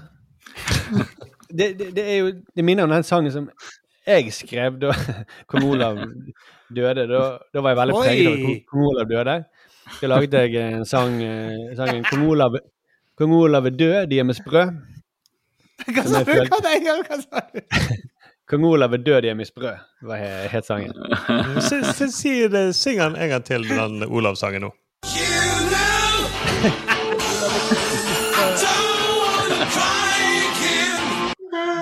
Det var veldig sånn 80-tallstekst. Bruke ordet sprø. Det, jeg vet, Markus, Mm. at du husker mer av den teksten. Mm. Nei, det er faktisk ikke. Nei, ikke kom Helt med den. ærlig. Nei. Du er sikker på det ikke var 'Jeg vil bare dø'? Jeg følte at jeg lagde en veldig meningsfull og flott tekst, og det gjorde sikkert de òg når de sa 'I don't wanna cry again'. I don't wanna, I wanna, Nei, don't wanna jeg, tror, jeg tror det var mer lidenskap hos deg da enn de. Ja, det, det tror jeg. Ja, ja, og det fordi at jeg, Mitt inntrykk av det er at de var nettopp sånn De var ikke fornærmet Thomas, men det var nesten reklamefolk som fadet sakte ut. Ja, og det er veldig tydelig, for når de snakker om den platen her, da, som de skulle liksom være ambisiøse på, nå skal vi være kunstnerisk, eh, så, så snakker de om at da eh, mistet de USA. Oh, ja. Eh, og, men da mistet vi USA. Så ble det opptatt at de skal ta tilbake igjen USA. De snakker om sånn markedsandeler hele tiden.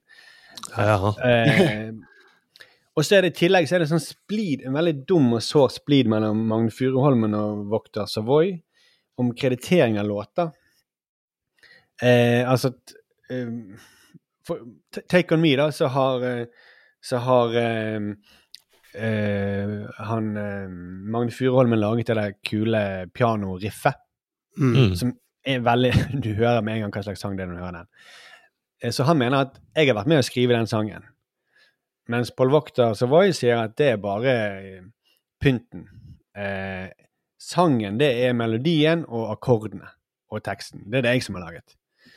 Så han vil ikke kreditere Magne Furuholmen for det. Og det er jo bare Fremdeles er de sure på hverandre for det.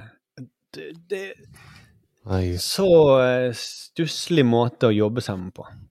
Ja, for så rart, for det vil jo opp, oppstå Musikken oppstår vel mer, Jeg vet ikke med de, da, men vanligvis så oppstår det i at de er sammen om det. Mm. Ellers ville jo ikke de giddet å sette seg ned og lage en sang, da, hvis ikke de var et band. da. Nei, så det, det, det, man blir litt sånn trist, rett og slett. Oh, Som man ser med et sånt uh, Ser med en dokumentar om et reklamebyrå som det gjør det kjempestort, og så gjør det det bare dårligere og dårligere. dårligere. Jeg syns det er utrolig deprimerende ute. Det her som Episode to får du vite at det var et reklamebyrå. Du trodde først det var et band. Og så Ja, shit, reklamebyrå. Jeg, Jeg, jeg, jeg mistet litt respekten for å ha noe.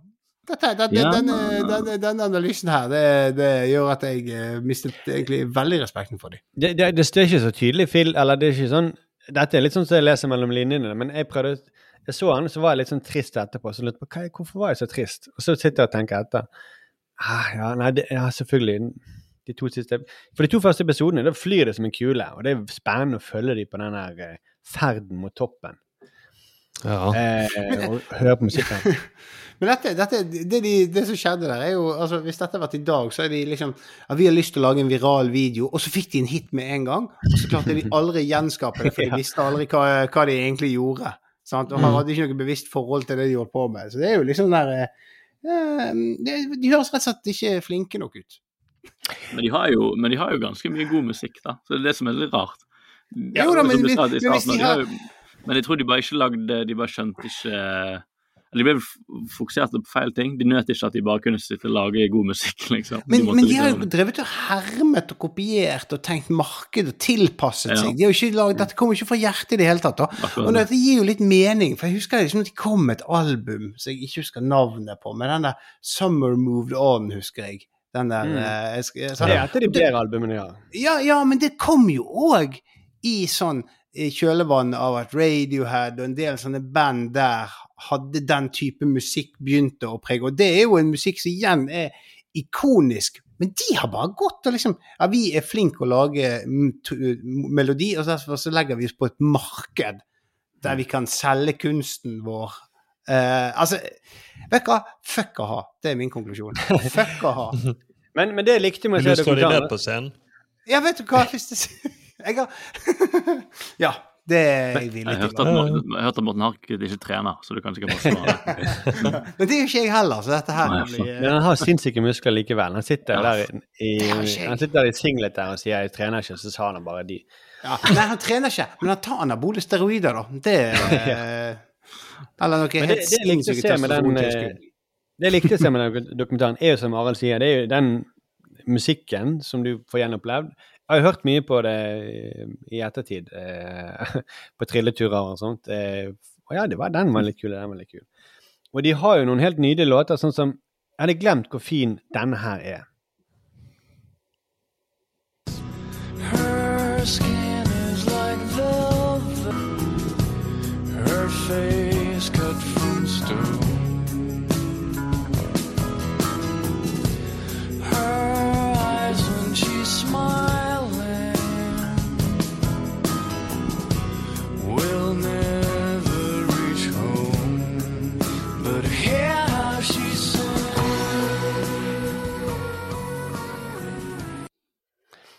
Dette er da Velvet.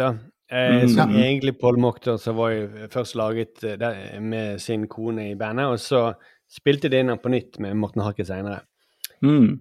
Eh, den har jeg hørt på flere ganger. den var jo faktisk fet når den kom, og han er fet fremdeles. Mm. Ja, det er, det er kjempefint sang, da. Ja, men hvordan sammenligner sammenligner den med den Kong Olav-sangen din? den har ikke holdt seg like bra. Jeg vet at du har det. Det, det blir så gøy. Jeg var ti år, eh, Thomas. Jeg var ti år. Ja, men likevel. Jeg vet du har den der et sted. Den er sikkert et eller annet sted, ja. Jeg har ikke orket å høre på eh, igjen. Men Har du spilt den inn? Det var noen vonde krangler med, mellom Markus og broren om royalties. Så. Har du, har du sunget inn låten, Markus?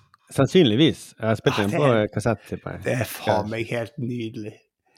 Men så er det så interessant eh, å se på musikkverdenen før, hvordan det var før internett. For da kunne man bli raskt kjempestor veldig raskt, og så kunne man raskt, like raskt forsvinne igjen. så ble man spilt på MTV og radio, så ble man kjempestor. Og når man ikke ble spilt på MTV og radio, så forsvant karrieren. Mm. Nå kan jo en video i, ligge på YouTube i det uendelige, sånn at du, du kan ha et eh, ganske stort publikum mye lenger, da. Så det er Ja, flere og folk nisjer. dyrker- Og folk dyrker deg mer uh, i sånne små kulter. Ja. Altså, denne- alle blir ikke allemannseie. Det blir mer sånn Alle er sånn små kultfans, da, på en måte. Virker, virker det sånn. Ja, så det var ikke sånn enorme utslag som det var på 80-90-tallet. Liksom, Mm. at du kan... Og så var det også veldig interessant å se hvor, hvor nøye de var, altså profesjonelle de er. Eh, og hvordan de bare stolte på seg sjøl. De stolte ikke på produsenter, ikke på lydmenn, ikke på noen andre. Og som, hvis, jeg kan, hvis jeg kan kalle meg artist, da, så kan jeg kjenne meg ganske igjen i det eh, greiene der. Og det var noe masse sånne klipp fra alle de lydprøvene hvor de drev de eh, eh, crewet til vanvidd. Og da vi, meg og Stjøle nettopp vært gjennom en del, del sånne lydprøver, vi også, hvor vi også er, vi er så nøye, og Mm. vi er nok mer tydelig, Det er jo tydelig på reaksjonene at vi er mer nøye enn alle de andre de pleier å jobbe med. Eh, og så var det også veldig artig å se, da, litt i forlengelsen av det, så er etter den konserten så var vi på, på Parkteatret, så er de backstage på Parkteatret, på den rare backstagen der, som vi har vært på. Ja, den, ja. Den er veldig Mm. rar. Ja. Smal gang, nesten. ja. Så jeg levde meg jo eh, litt inn i de på grunn av det, da. Eh, og da fikk jeg enda mer sånn følelse av at nei, jeg vil aldri ende opp på den måten der at jeg ikke får noe glede ut av det jeg lager. Eh, at jeg skal bare tenke at dette, om 20 år så vil folk tenke de tre sketsjene, de var bra. de altså, det er ikke derfor vi gjør det. Det er ikke noen sånn abstrakt idé om vi skal inn i humorens hall of fame. Det må være kjekt å gjøre de tingene mens man lager det. Mm. Mm. Ja, ja, Inn i humorens markedsavdeling. Når du sier det, så Ja, det var markedsavdeling. Ja, ja. Markedsandel. Når du sier det å sette pris Når du sier det å kose seg med det man gjør, så uh, tror jeg at jeg kan slutte denne poden og bare gå og legge meg. Jeg, uh, jeg kjente, dette, dette gjør jeg kun for pengene. Men vet hva vi da, eh, bare sånn, Vi snakker om eh, kunstnerisk eh, integritet og musikkdokumentarer. Dere har ikke sett den The Beatles-dokumentaren på eh, Disney Pluss? Nei. Om, om jeg har, Thomas. Ja, for det, ja, du har eh, Ja, ja, ja. For den er jo hele prosessen, og der er det vel veldig mye mer kunstnerisk. Jeg tror altså, vi kunne gjort veldig, snakket veldig mye mer om musikkdokumentarer og, og alle grepene og sånn. Men det, ja, den er jo så gøy, fordi at Beatles er jo Beatles, og de er jo snakket i hjel. Så de, det kule med den er at de rett og slett bare fokuserer på en uke i livet deres, og det er mer enn nok til å liksom mette Beatles-sultne fans. da. Eh, og du bare henger som en flue på veggen gjennom innspillingsprosessen. Mhm. Um, men ja, jeg føler nesten jeg må snakke om det i en annen episode, Ja, for det er så mye detaljer Ja. og tekniske ting. Men den er, den er veldig god. Det er Peter Jackson, ikke det? Det er det, vet Jo. du. Ja. Mm. Så det er jo liksom Ja. Men ok, det var min eh, Det var liksom det jeg har eh, rukket å sett på denne uken her. Det, det var eh, Anbefaler å se den, altså. Det, den er lett lettfordøyelig og grei. musikkdokumentar er jo så deilig, og spesielt hvis det er et band man har et forhold til. Så å få litt annen kontekst, kanskje spesielt når man eh, er litt man ikke bare hører på musikken lenger, man er blitt litt voksen og blitt litt mer moden og ser alt rundt. Vi så jo jeg og samboeren min, vi så jo den Spice Girls-dokumentaren som også ligger på NRK.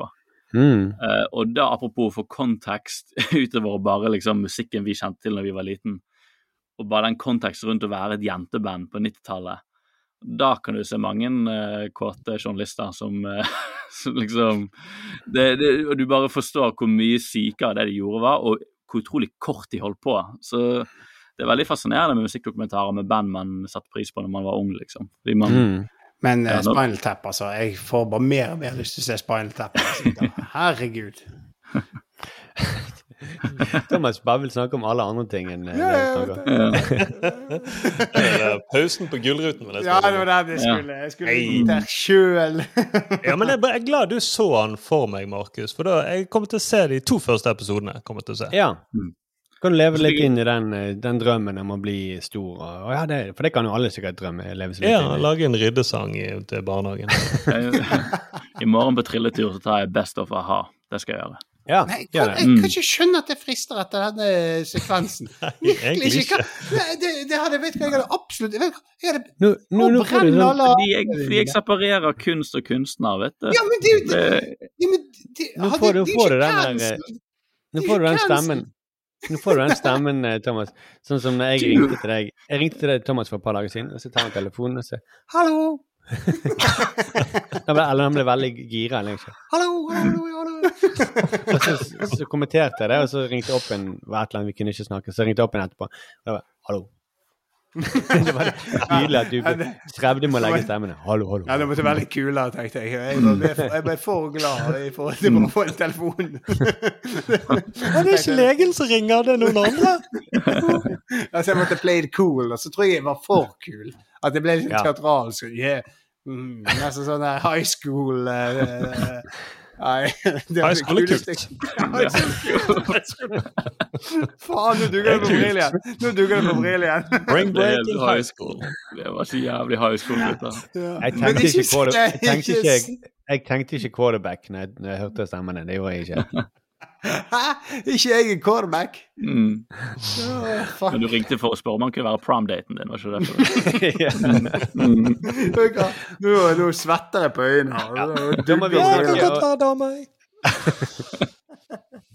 Men jeg har i hvert fall ikke hørt det ha. Det vil jeg eh, Apropos Nå menn kan du like så godt bare sitte deg og se på eh, Gå inn på TV2 Play og se Gullfisken i de siste ti årene på rappen, liksom. Da er det da, Vi kan ikke le av folk med spisse sko i denne podkasten, og så hører vi på a-ha. Det er jo samme ulla.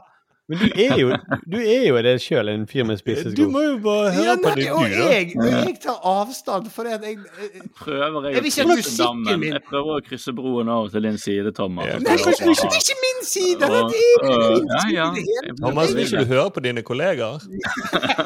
Vi har laget en kul sang til eh, utdeling av uh, Gullfisken.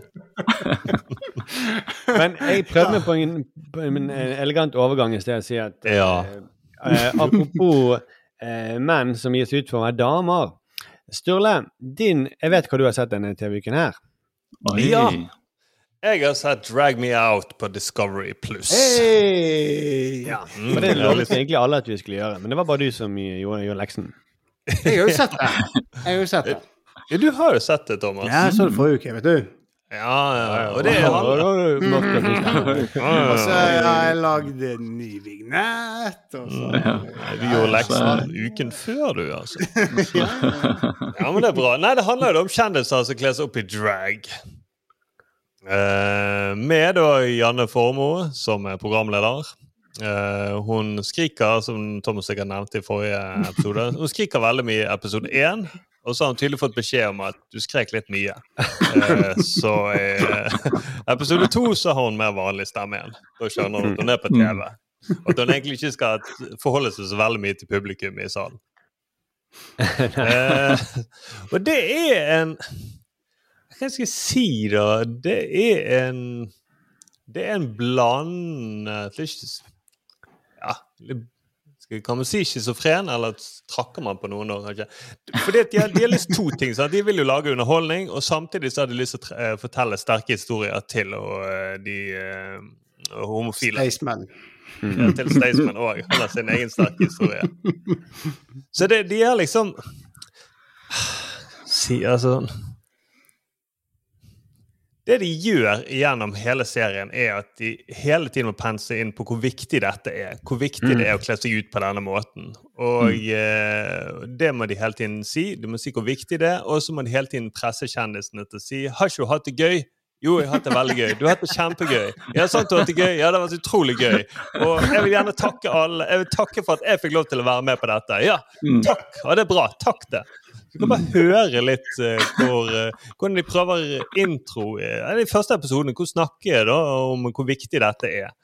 Bare høre hva Janne Formoe snakker da med en av dommerne. Det er Jan Thomas, ene dommeren, og så er det en dragartist, Pamela The Pam, som er andre dommer. Og så kan vi høre når Janne og Pamela Pam snakker.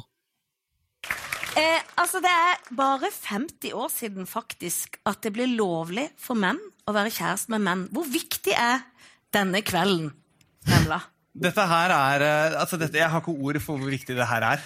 At vi gjør det her på en scene i Norge, det bare Dette betyr mye. Dette er så viktig! Og det er Janne Formoe. Hun må bare, hun må bare gjenta alt. Hun bare skriker det høyere. Når noen har sagt 'viktig', som hun sier. 'ja, det er så viktig'. Og ha, hadde du det gøy, eh, Magnus Devold? Ja, hadde det gøy. Ja, det var så gøy! Og det er egentlig det er hennes rolle, da, å forsterke det hele tiden. Og er jeg flink? Ja, jeg er så flink! Men det, det er jo, det er jo Men det, men det er ikke det sånn. Det er akkurat som å være på et forspill. Altså Hvis folk begynner å si på forspillet 'Nei, nå har vi det gøy', da vet du at det blir Mm. det dølleste jævla forspillet som finnes. Ja, det er. Og det programmet er akkurat sånn. 'Nei, nå er det Ja. gøy! Dette er viktig!' Åh! Mm. Det er helt grusomt. Ja, for det, Hvis du har det virkelig gøy, så trenger du ikke si det. Da er det helt Nei. åpenbart. Og hvis Ja. det er viktig, så er det helt åpenbart at det er viktig. Mm. Det er ingen Ja. på Nobelprisen som sier dette var en veldig viktig pris. Dette er faktisk en veldig viktig Er dette en viktig pris, folkens? Ja, det er. Ja. veldig viktig. Og det er ingen standup altså, Har vunnet en viktig pris! Ja! Og Du vet en dårlig standup-komiker som sier sånn Ja, men nå har vi det gøy. Var ikke det morsomt? Jo, Ja. men det er litt sånn. Og eh, så, så, eh, Hele serien er jo da at det er to kjendiser som da skal kle seg opp. Og de får hver sin mentor, en sånn drag mom. uh, som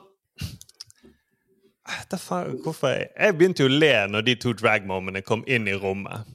Det som skjer er at Staysman og Herman Dahl, en youtuber, de går inn i et svært kostymerom, så ser de litt rundt. Wow, her var masse fine kjoler. Så flirer det litt. Grann. Og så plutselig så kommer de to dragmommene inn, og de er da kledd ut. For meg så er det sånn at hvis man bruker veldig mye sminke Hvis man sminker seg veldig mye, så blir du litt mindre menneskelig. Du ser Mhm. ut som en robot som prøver å kle seg ut som et menneske. Og det er det de to, når de kommer inn i rommet, så jeg blir nesten redd når jeg ser dem. For de har så overdrevet sminke. Det ser ut som to roboter, roboter som har lyst til å drepe dem. Mm. Men det er Det er, ja. det er plot twist, da. Hvis de hadde gjort Ja, det Men det, er, men det er jo også en greie med drag som jeg føler også kanskje går litt inn i at denne serien bommer litt på målet sitt. Men Jeg, sånn som jeg sagt forrige gang, jeg har jo sett veldig mye RuPaul's Drag Race. Og der handler det jo så mye om disse personlighetene de lager for seg sjøl når de er i drag. Og det er jo en slags sånn, på en måte en slags opphøyd femininitet eller kvinnelig greie, som også kan bli veldig komisk. Som de gjør med vilje veldig komisk. Eller noen er også sånn i den serien er veldig bevisst på at jeg vil alltid se skummel ut. Jeg skal bare se ut som et mareritt. Og jeg skal være sånn kvinnelig sånn skrekkfilmfigur nesten alltid, og de lager de mest fantastiske, absurde kostymene og sånn. Og det føles her som denne serien her henger seg veldig opp til at neimen, vi skal være bare kvinnelige. Og de har Ja, ikke skjønt at nei, men drag er underholdning, og det er uttrykk, og du kan, du kan få lov til å kle deg ut nesten så hva du vil innenfor disse rammene. Som gjør at du da blir usikker på hva du ser på. For du blir sånn Ja, men er dette viktig, eller skal jeg få lov til å le av det? Fordi drag skal jo du også få lov til å le av. på en Ja, måte. og det, og det poenget er at Ja. eh, en tradisjonell drag er jo ikke en Du kler deg ikke ut som en dame. Du kler deg som en parodi på en dame. Mm. Eh, du, du framhever noen sånn Du og forstørrer noen, noen eh, typisk feminine trekk, og så Mm. gjør du det komisk, nesten. Så det, det, det er jo nærmere en parodi enn eh, at du bare prøver å være noen, et annet eh, kjønn en liten periode. Men det er kanskje den veien jeg har gått til dette programmet. De prøver å være et eh, seriøst program, men så er det egentlig en parodi. At hele greien er bare en jævla fiasko. Ja, men jeg tror liksom det er viktig når man lager sånn at man er tydelig. Da. Fordi Hvis du sier det er viktig, så er det viktig, men hvis de, de, de har ikke helt skjønt den tydeligheten til hva egentlig de vil si, da, rett og slett. Som vi Nei, gjentar. og det og er litt de- sånn, ja. Mm. Det er sånn som de butikkene på Grønland, de klesbutikkene hvor det står eh, 'siste mote'.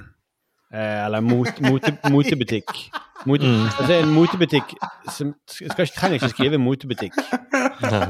Jeg trenger nesten ikke skrive butikk engang, egentlig. Jeg skjønner hva det er. Jo, men det er det. Det for meg så var det sånn de, Det var to dragmoms. Hun ene het eh, Puffy Mantrap, og andre het Skrellex. Mm. Og det, det er shit.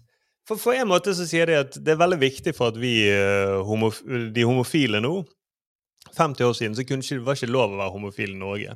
Men samtidig så tenker jeg, så sitter jeg med en følelse at nå kler dere ut som skruller. Nå ser dere helt rar ut. Jeg synes de, altså, de var jo mye penere Kim og Kai Thomas, de to dragmomsene egentlig heter. Mm. På en måte så sitter jeg sånn følelse Skal jeg le av dette? For på en måte så ser dere veldig rar ut.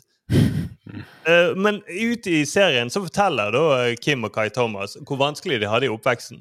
Og da begynner det å bli ok, shit, nå er dette mer interessant. Ok, Så dere bruker disse karakterene for å bli tryggere på seg sjøl. Han ene sier at i stedet jeg hadde mange psykologer, men da først når jeg begynte å kle meg ut som dette, så fant jeg andre sider med meg som gjorde at jeg ble tryggere på meg sjøl. Mm. Men det er bare litt grann med. Og det er så staget for hver artist. Mens de blir sminket opp, så må de spørre ja, hvordan var, eh, hvordan var oppveksten din, da? Hvordan var eh, Nesten så de ser på lappen. Og så kan de Ja. hekte seg på Dragmoms. Det var ikke lett. Jeg har egentlig bare hatt en serie med alle disse drag-artistene. Så kanskje en kjendis kan hooke på det som en slags inngang til folk som aldri vært, eh, vet hva dette handler om. Men at det er veldig mye at vi ler av at de her eh, kjendisene skal gå med høye hæler. Eller prøve Ja. Det er, men det er jo der, det er der de har lagt liksom komikken, som blir så feil Altså, det treffer så feil, da. Men det er også da, eh, det er så smart jeg, Noen ganger bruker RuPaul, for det er jo på en måte Ja, ja.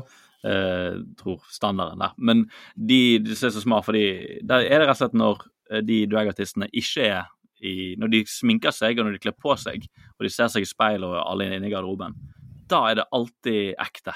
Da skal de alltid er de veldig ærlige med hverandre, og alle åpner hverandre. Åpner seg til hverandre. Og det blir også litt parodisk hvor ekstremt åpne de blir med en gang de tar av seg parykken. Som at liksom det er alt som holder de sammen i livet, er å gå med den parykken. Eh, liksom.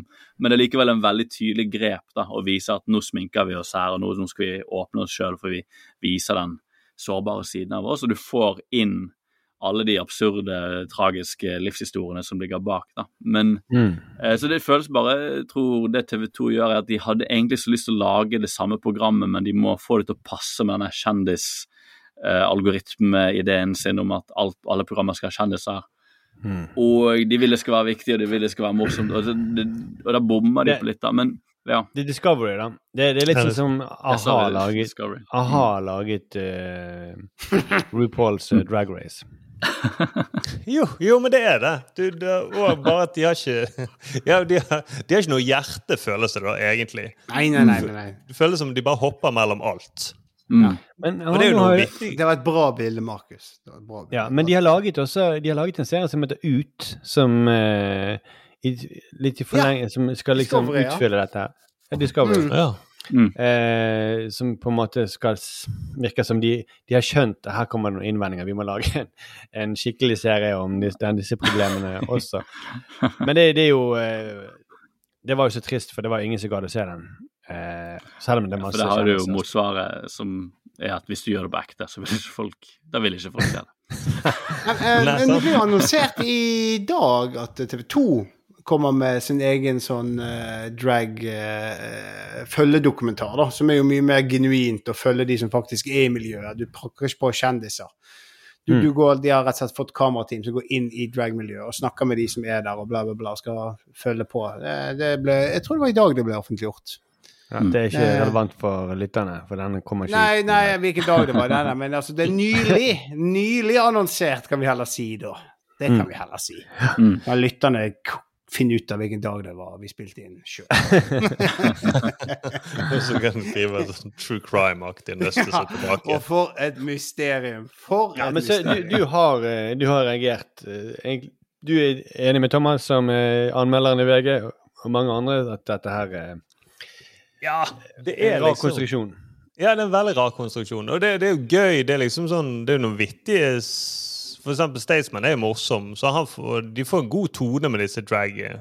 Men du skjønner jo at alle som er med, de må jo ha eh, For det første så tror jeg at når de blir ringt opp og spurt har du lyst til å være med, så er det ingen som har hjerte til å si nei. Nei. For de har sikkert sagt har du lyst til å være med på dette showet, nå er det 50 år siden sånn, og, uh, siden man ikke kunne være homofil. Så sier jeg ja, OK, selvfølgelig. Ja, men det er lett å si nei, jeg kan ikke. For det, det er jo en dag Ja, jo. Jeg var jo litt eh, Jeg var jo sånn på grensen, var litt aktuell for eh, den ene av de rollene. Og Nei, da det var det. Shit. eh, det var jo ganske mye penger da på en dag. Ja, ja, ja. Så det, det er også en Det var det som kom fram, at hvorfor Det var ny, nylig en sak om dette, at hvorfor folk stilte opp på Kjendisfarmen og sånt, så ser de det fordi de betaler sykt bra. Så er det så sykt.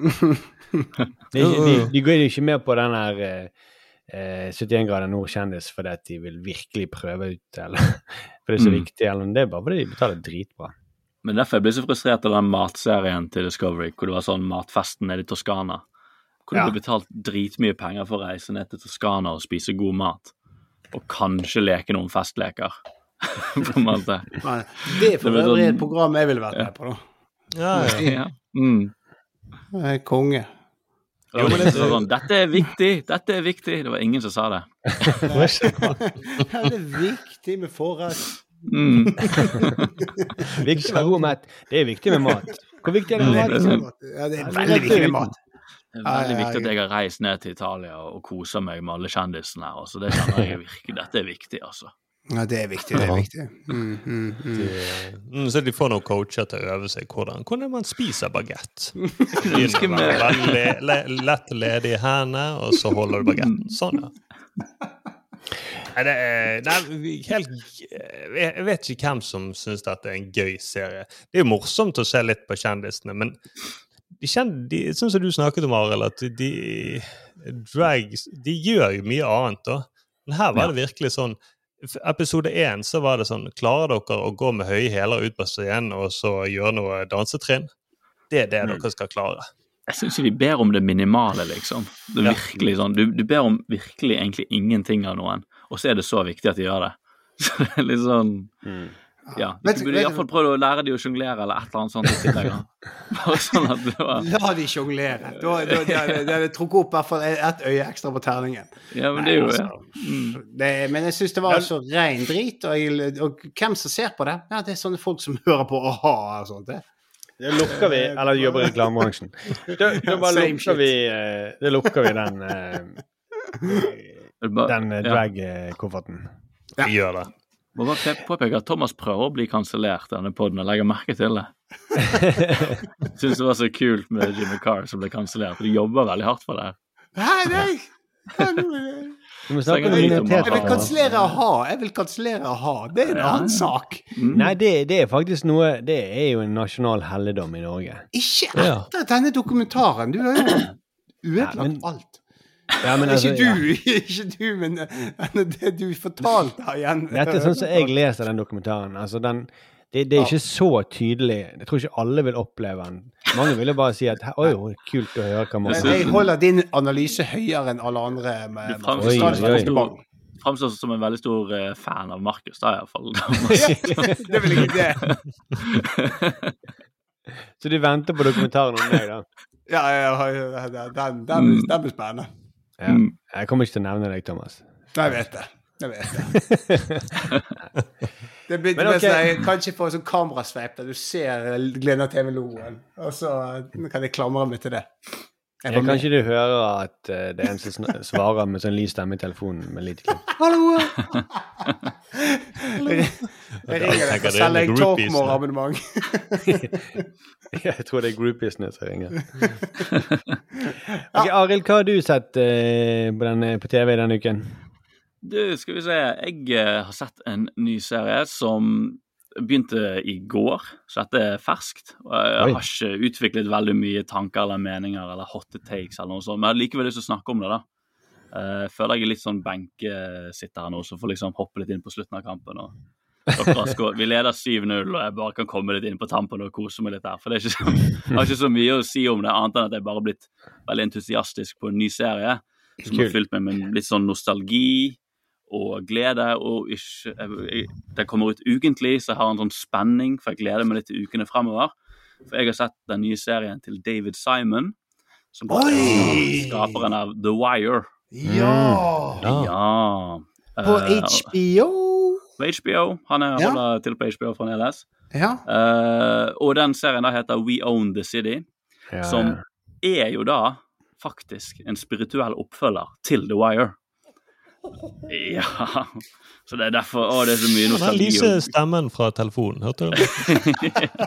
Nei, nå ble jeg begeistret. Ja, for det, og det er litt den, det jeg føler på. Den, det kom ut to episoder, og vi så begge. Og, og det føles jo Jeg skal sette litt kontekst her, da, for det, for det føles jo litt som at The Wire er tilbake på TV.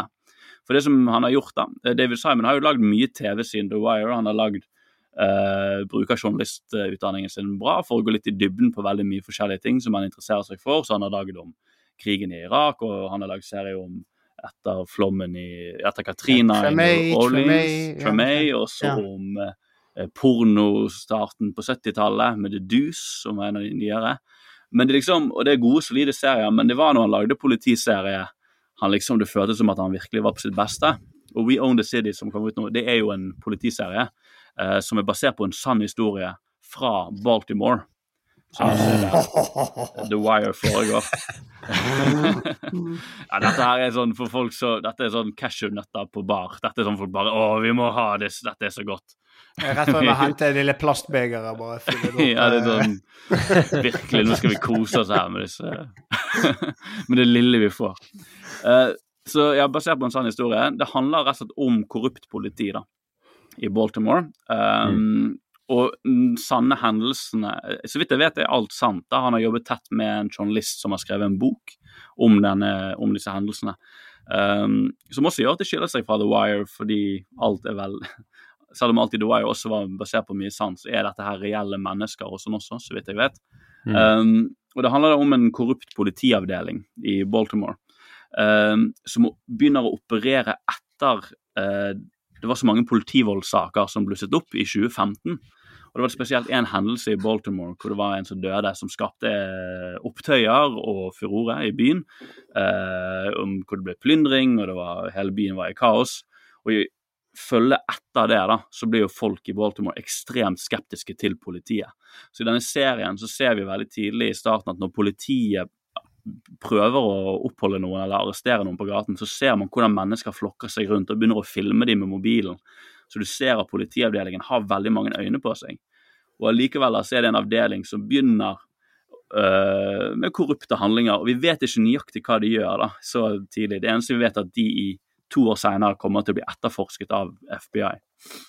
Uh, og det er, en, det er en tett altså, det, altså Materialet i den der, det er så tett, og det er så mye informasjon, og det er bare TV som er lagd på Altså David Simon er så jævla mye smartere enn eh, meg. uh, og jeg tror alle som ser på, han, og han driter i om du ikke er like Han driter i å liksom snakke ned. Han sier 'jeg setter listen høyt', og nå får du bare Mm. følge med, og du skal ikke sitte på telefonen. For jeg kommer til å name-droppe så mye navn og Mm. fakta og ting og tang som jeg kommer til å referere til seinere også. Så du bør ha fått med meg hvem han var. Hvis du plutselig sier at noen heter Gloopy, så bør du huske det om eh, en time, for da skal Gloopy bli jævlig viktig. liksom. Ja.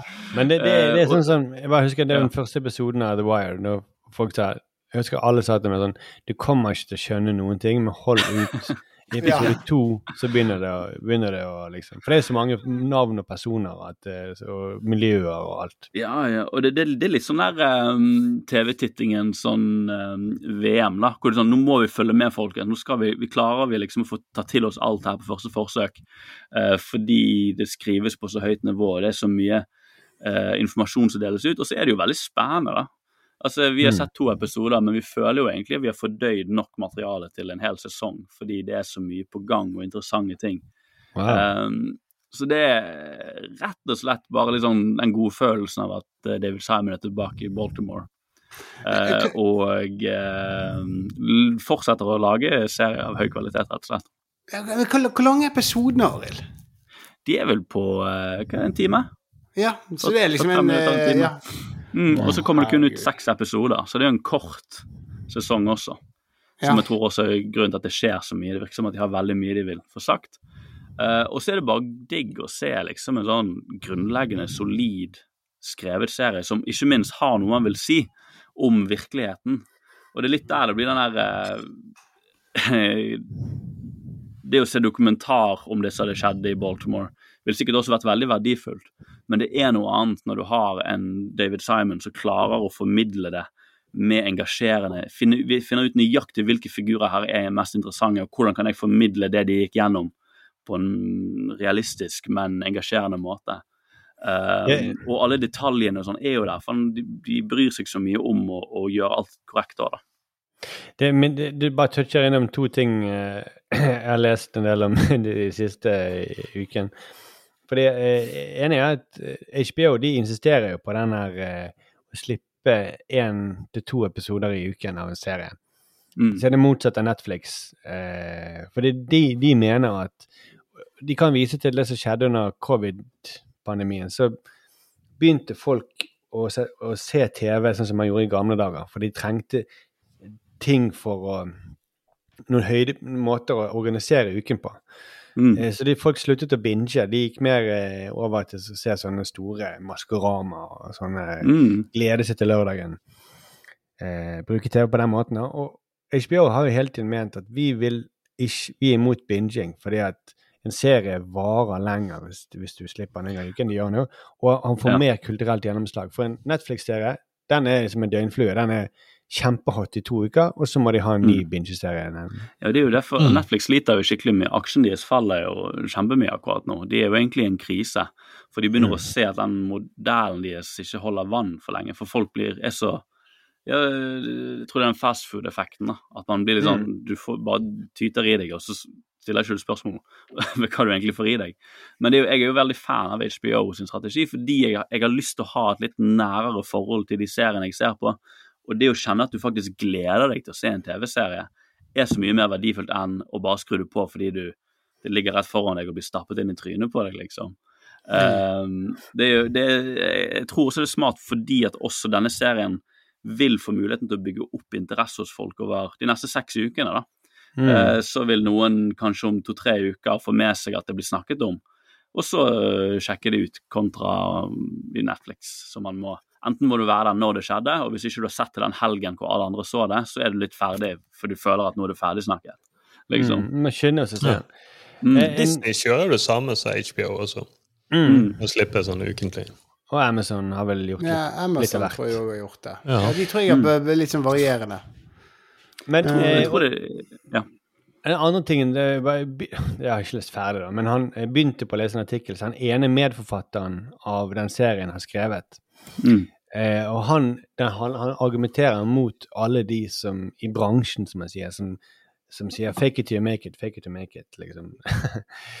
det er ikke det det handler om.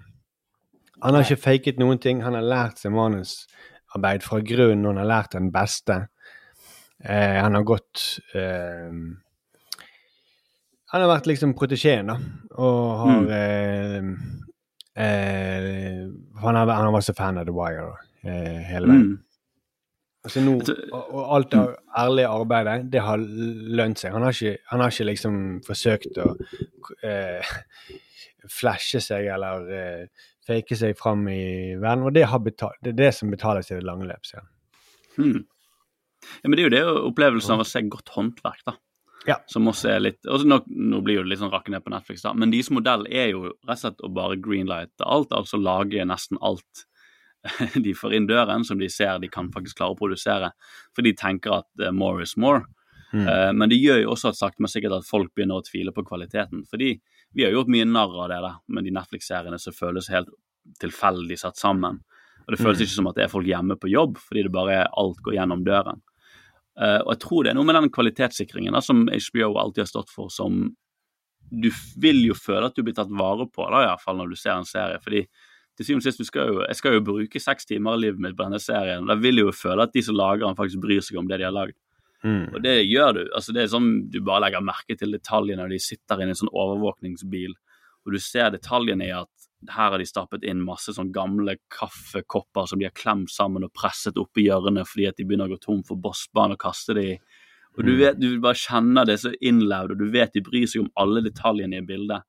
Og skuespillerne gjør på ingen måte for mye, så du glemmer nesten at det er skuespillere. Altså det er liksom alt det der som føles som en godt håndtert serie. Og da, det kjenner jeg at jeg setter så pris på, som også blir en sånn ting som du får du noe å glede deg til, for du føler at du skal bli tatt litt vare på, da, iallfall en, Mm.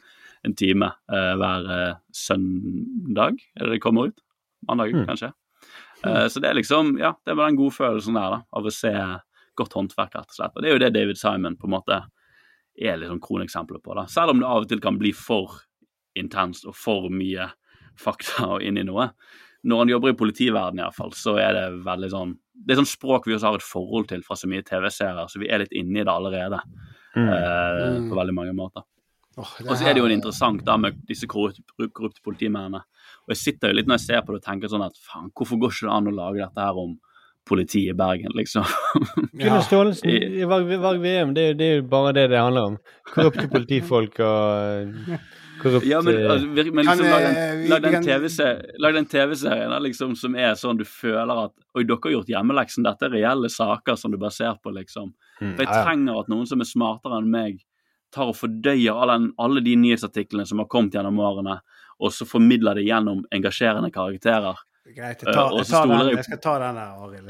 Ja, gjør det. For det er sånn Hvorfor er det så jævla mange uteliggere i Bergen, liksom? Hvorfor? Hvem er det som er på jobb hjemme? Så Det er fordi de har skal alle uteliggende uteliggerne i Bergen har en leilighet i Åsane, men de gidder ikke å redde folk til Åsane, så de velger å bo i sentrum. Men kommer, Mm. Ja, de er studenter, egentlig, bare. Mm. Men, men altså i Nei, men, men det er jo David Simon altså Gunnar Staalesen er jo fattigmanns David Simon, da. Men han, eh, han, han toucher jo innom en del sånne eh, korrupte greier i Bergen som er Det er ikke tatt helt ut av luften.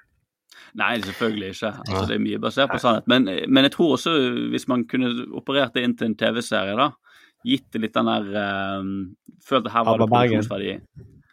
ja, bare Bergen. uh, hvor man føler på det reelle ved det, sannheten i det. Um, Så bare fordi at det kan bli en snakkis, så jeg tror jo det liksom Selv om det er snakk denne, denne serien skal snakke om politivold og ting som man føler man er litt lei av å fordøye, når man får den inngangen til det, så, og det fortelles riktig, så kjenner man fremdeles på eh, lidenskapen her i Norge over at politiet i USA ikke er flinke. Som jeg trodde jeg var lei av å, jeg trodde jeg var lei av å føle på det, men jeg blir likevel engasjert i det. Man burde laget en bumerangsaken, en, en, eh, rett og slett en eh, det, For det er en helt sinnssyk historie. Det er, det er jo en bra dokumentar, men det, man burde laget en, en, en, en serie om det, sett fra alle vinkler, liksom, i, i Bergen. Hvilken sak var det du sa? Bumerangsaken, altså det, jo, det var jo det de eh, uteliggerne som ble banket opp av politiet, Ja. eh, og som eh, Så var det eh, to advokater, eller som Eller en er sosiolog eh, og en advokat som fikk oppdrag å De skulle skrive en sånn rapport om politiet i Bergen, og så var det Av ti bind så var det siste bindet handlet om politivold, og de hadde eh, for første gang da liksom dokumentert at det var utstrakt bruk av politivold i Bergen. Mm. Og så drev politiet samarbeidet med Bergens Tidende om å kjøre livene til de to eh, Vogt og Nordrus, som de heter, de to forskerne, i grøften. Altså, de, de ble jo økonomisk ruinert, og de eh, eh, Politiet drev sånn massiv kampanje mot de, og trakasserte de på kveldstid, og, eh, og Men, ja. BT, BT var med på det, og så Og de også kjørte sak mot disse narkomane for falsk forklaring, og de hadde løyet og sånt, og fikk de dømt for det. Til slutt, filmen slutter med at de narkomane går til sak og vinner i Høyesterett. Det er en fantastisk historie. Ja, det er helt sinnssyk Sånn- historie. Ja, ja, ja. Det inneholder Altså, alt. det, det akkurat det. Det, det, det, det, dette, dette, dette er Bergen. Ikke Altså, så lenge siden heller. sånn- Nei, der sa du tittelen på serien, Thomas. Ja, dette er Bergen. Jo, men jeg føler Ja, faktisk. Jeg føler liksom at dette er sånn Det er derfor ikke vi klarer noe i Bergen, for alt skjer på denne måten Mm. her. Eh, ja, det er en annen podkast jeg eh, kan lage. Så lenge på tidspunkt i den eh, serien at eh, faren min kommer ut løpende i slowbrok fordi det sitter to narkomane og tar et skudd ut på trappen, så er det Dette er Bergen. Ja, fordi, fordi at For eh, det er kanskje ikke alle lytterne som vet det, men din far eh, skriver mye i avisen om de narkomane i Bergen. Ja, han gjør det. Eh, Og eh, jeg vokste opp eh, rett oppi der det skjer, så vi har sett mange narkomane ta skudd i lysken opp gjennom barndommen. Ja. Eh, um, kjæreste minne fra oppveksten jeg har. Det. Kanskje, kanskje disse opplevelsene farger litt hans syn på de narkomane i, i Bergen. Ja, ja. Han er ganske sint på dem. ja. Han er sint på lysken deres, kanskje. ja, det er begrenset.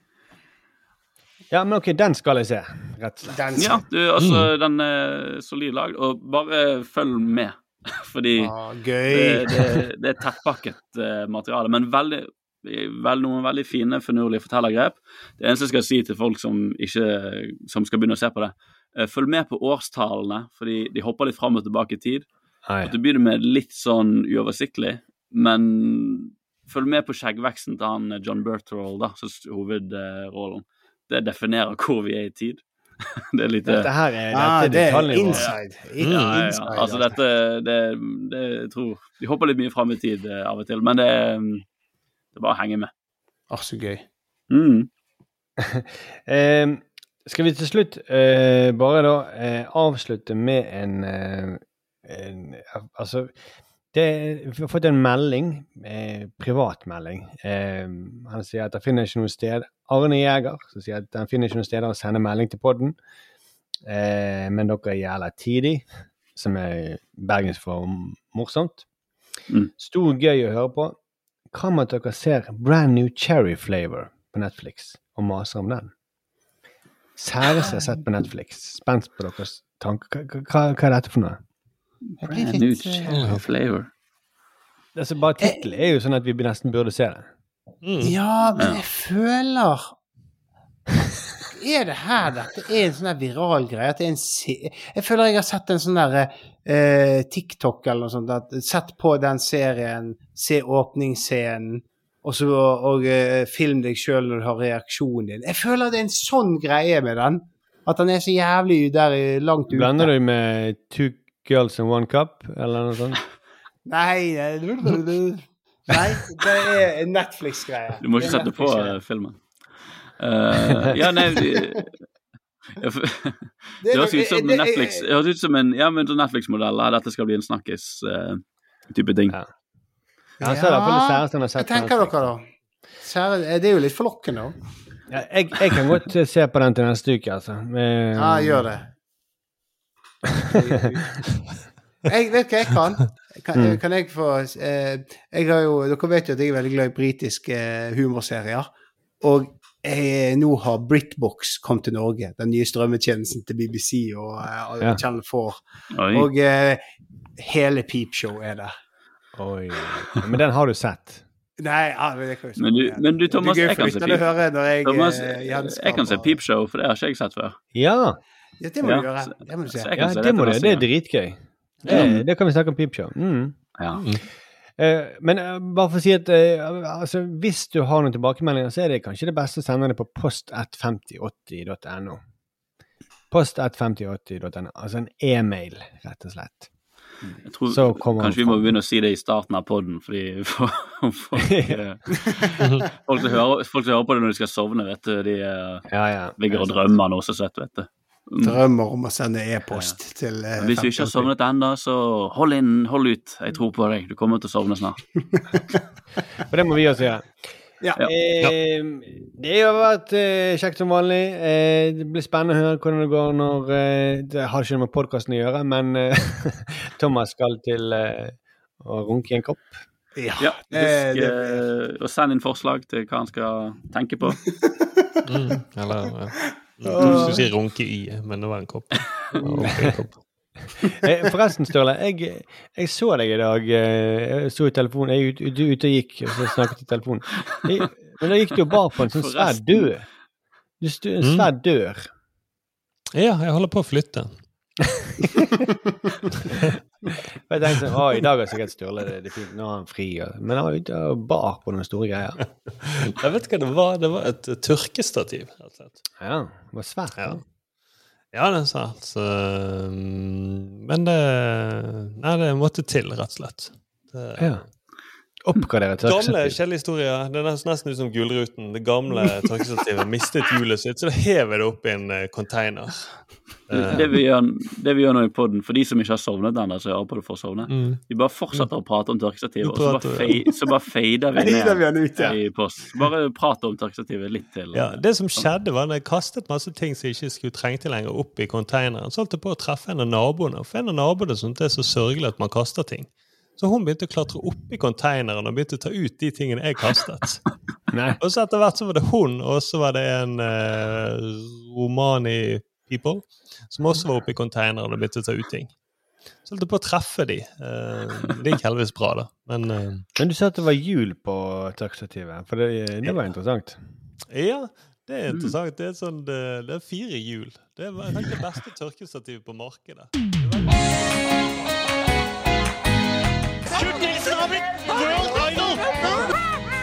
Det gjør ikke Ja, jeg. brøler gjerne! Det var helt ærlig, så tror jeg ikke smakte der. Jeg er jo egentlig en ganske flatbrystet pike. Oh yeah? Well, I love you too! Det ser jo ut som en løgn. Det er slik, sånn snakker vi ikke. One small step for man,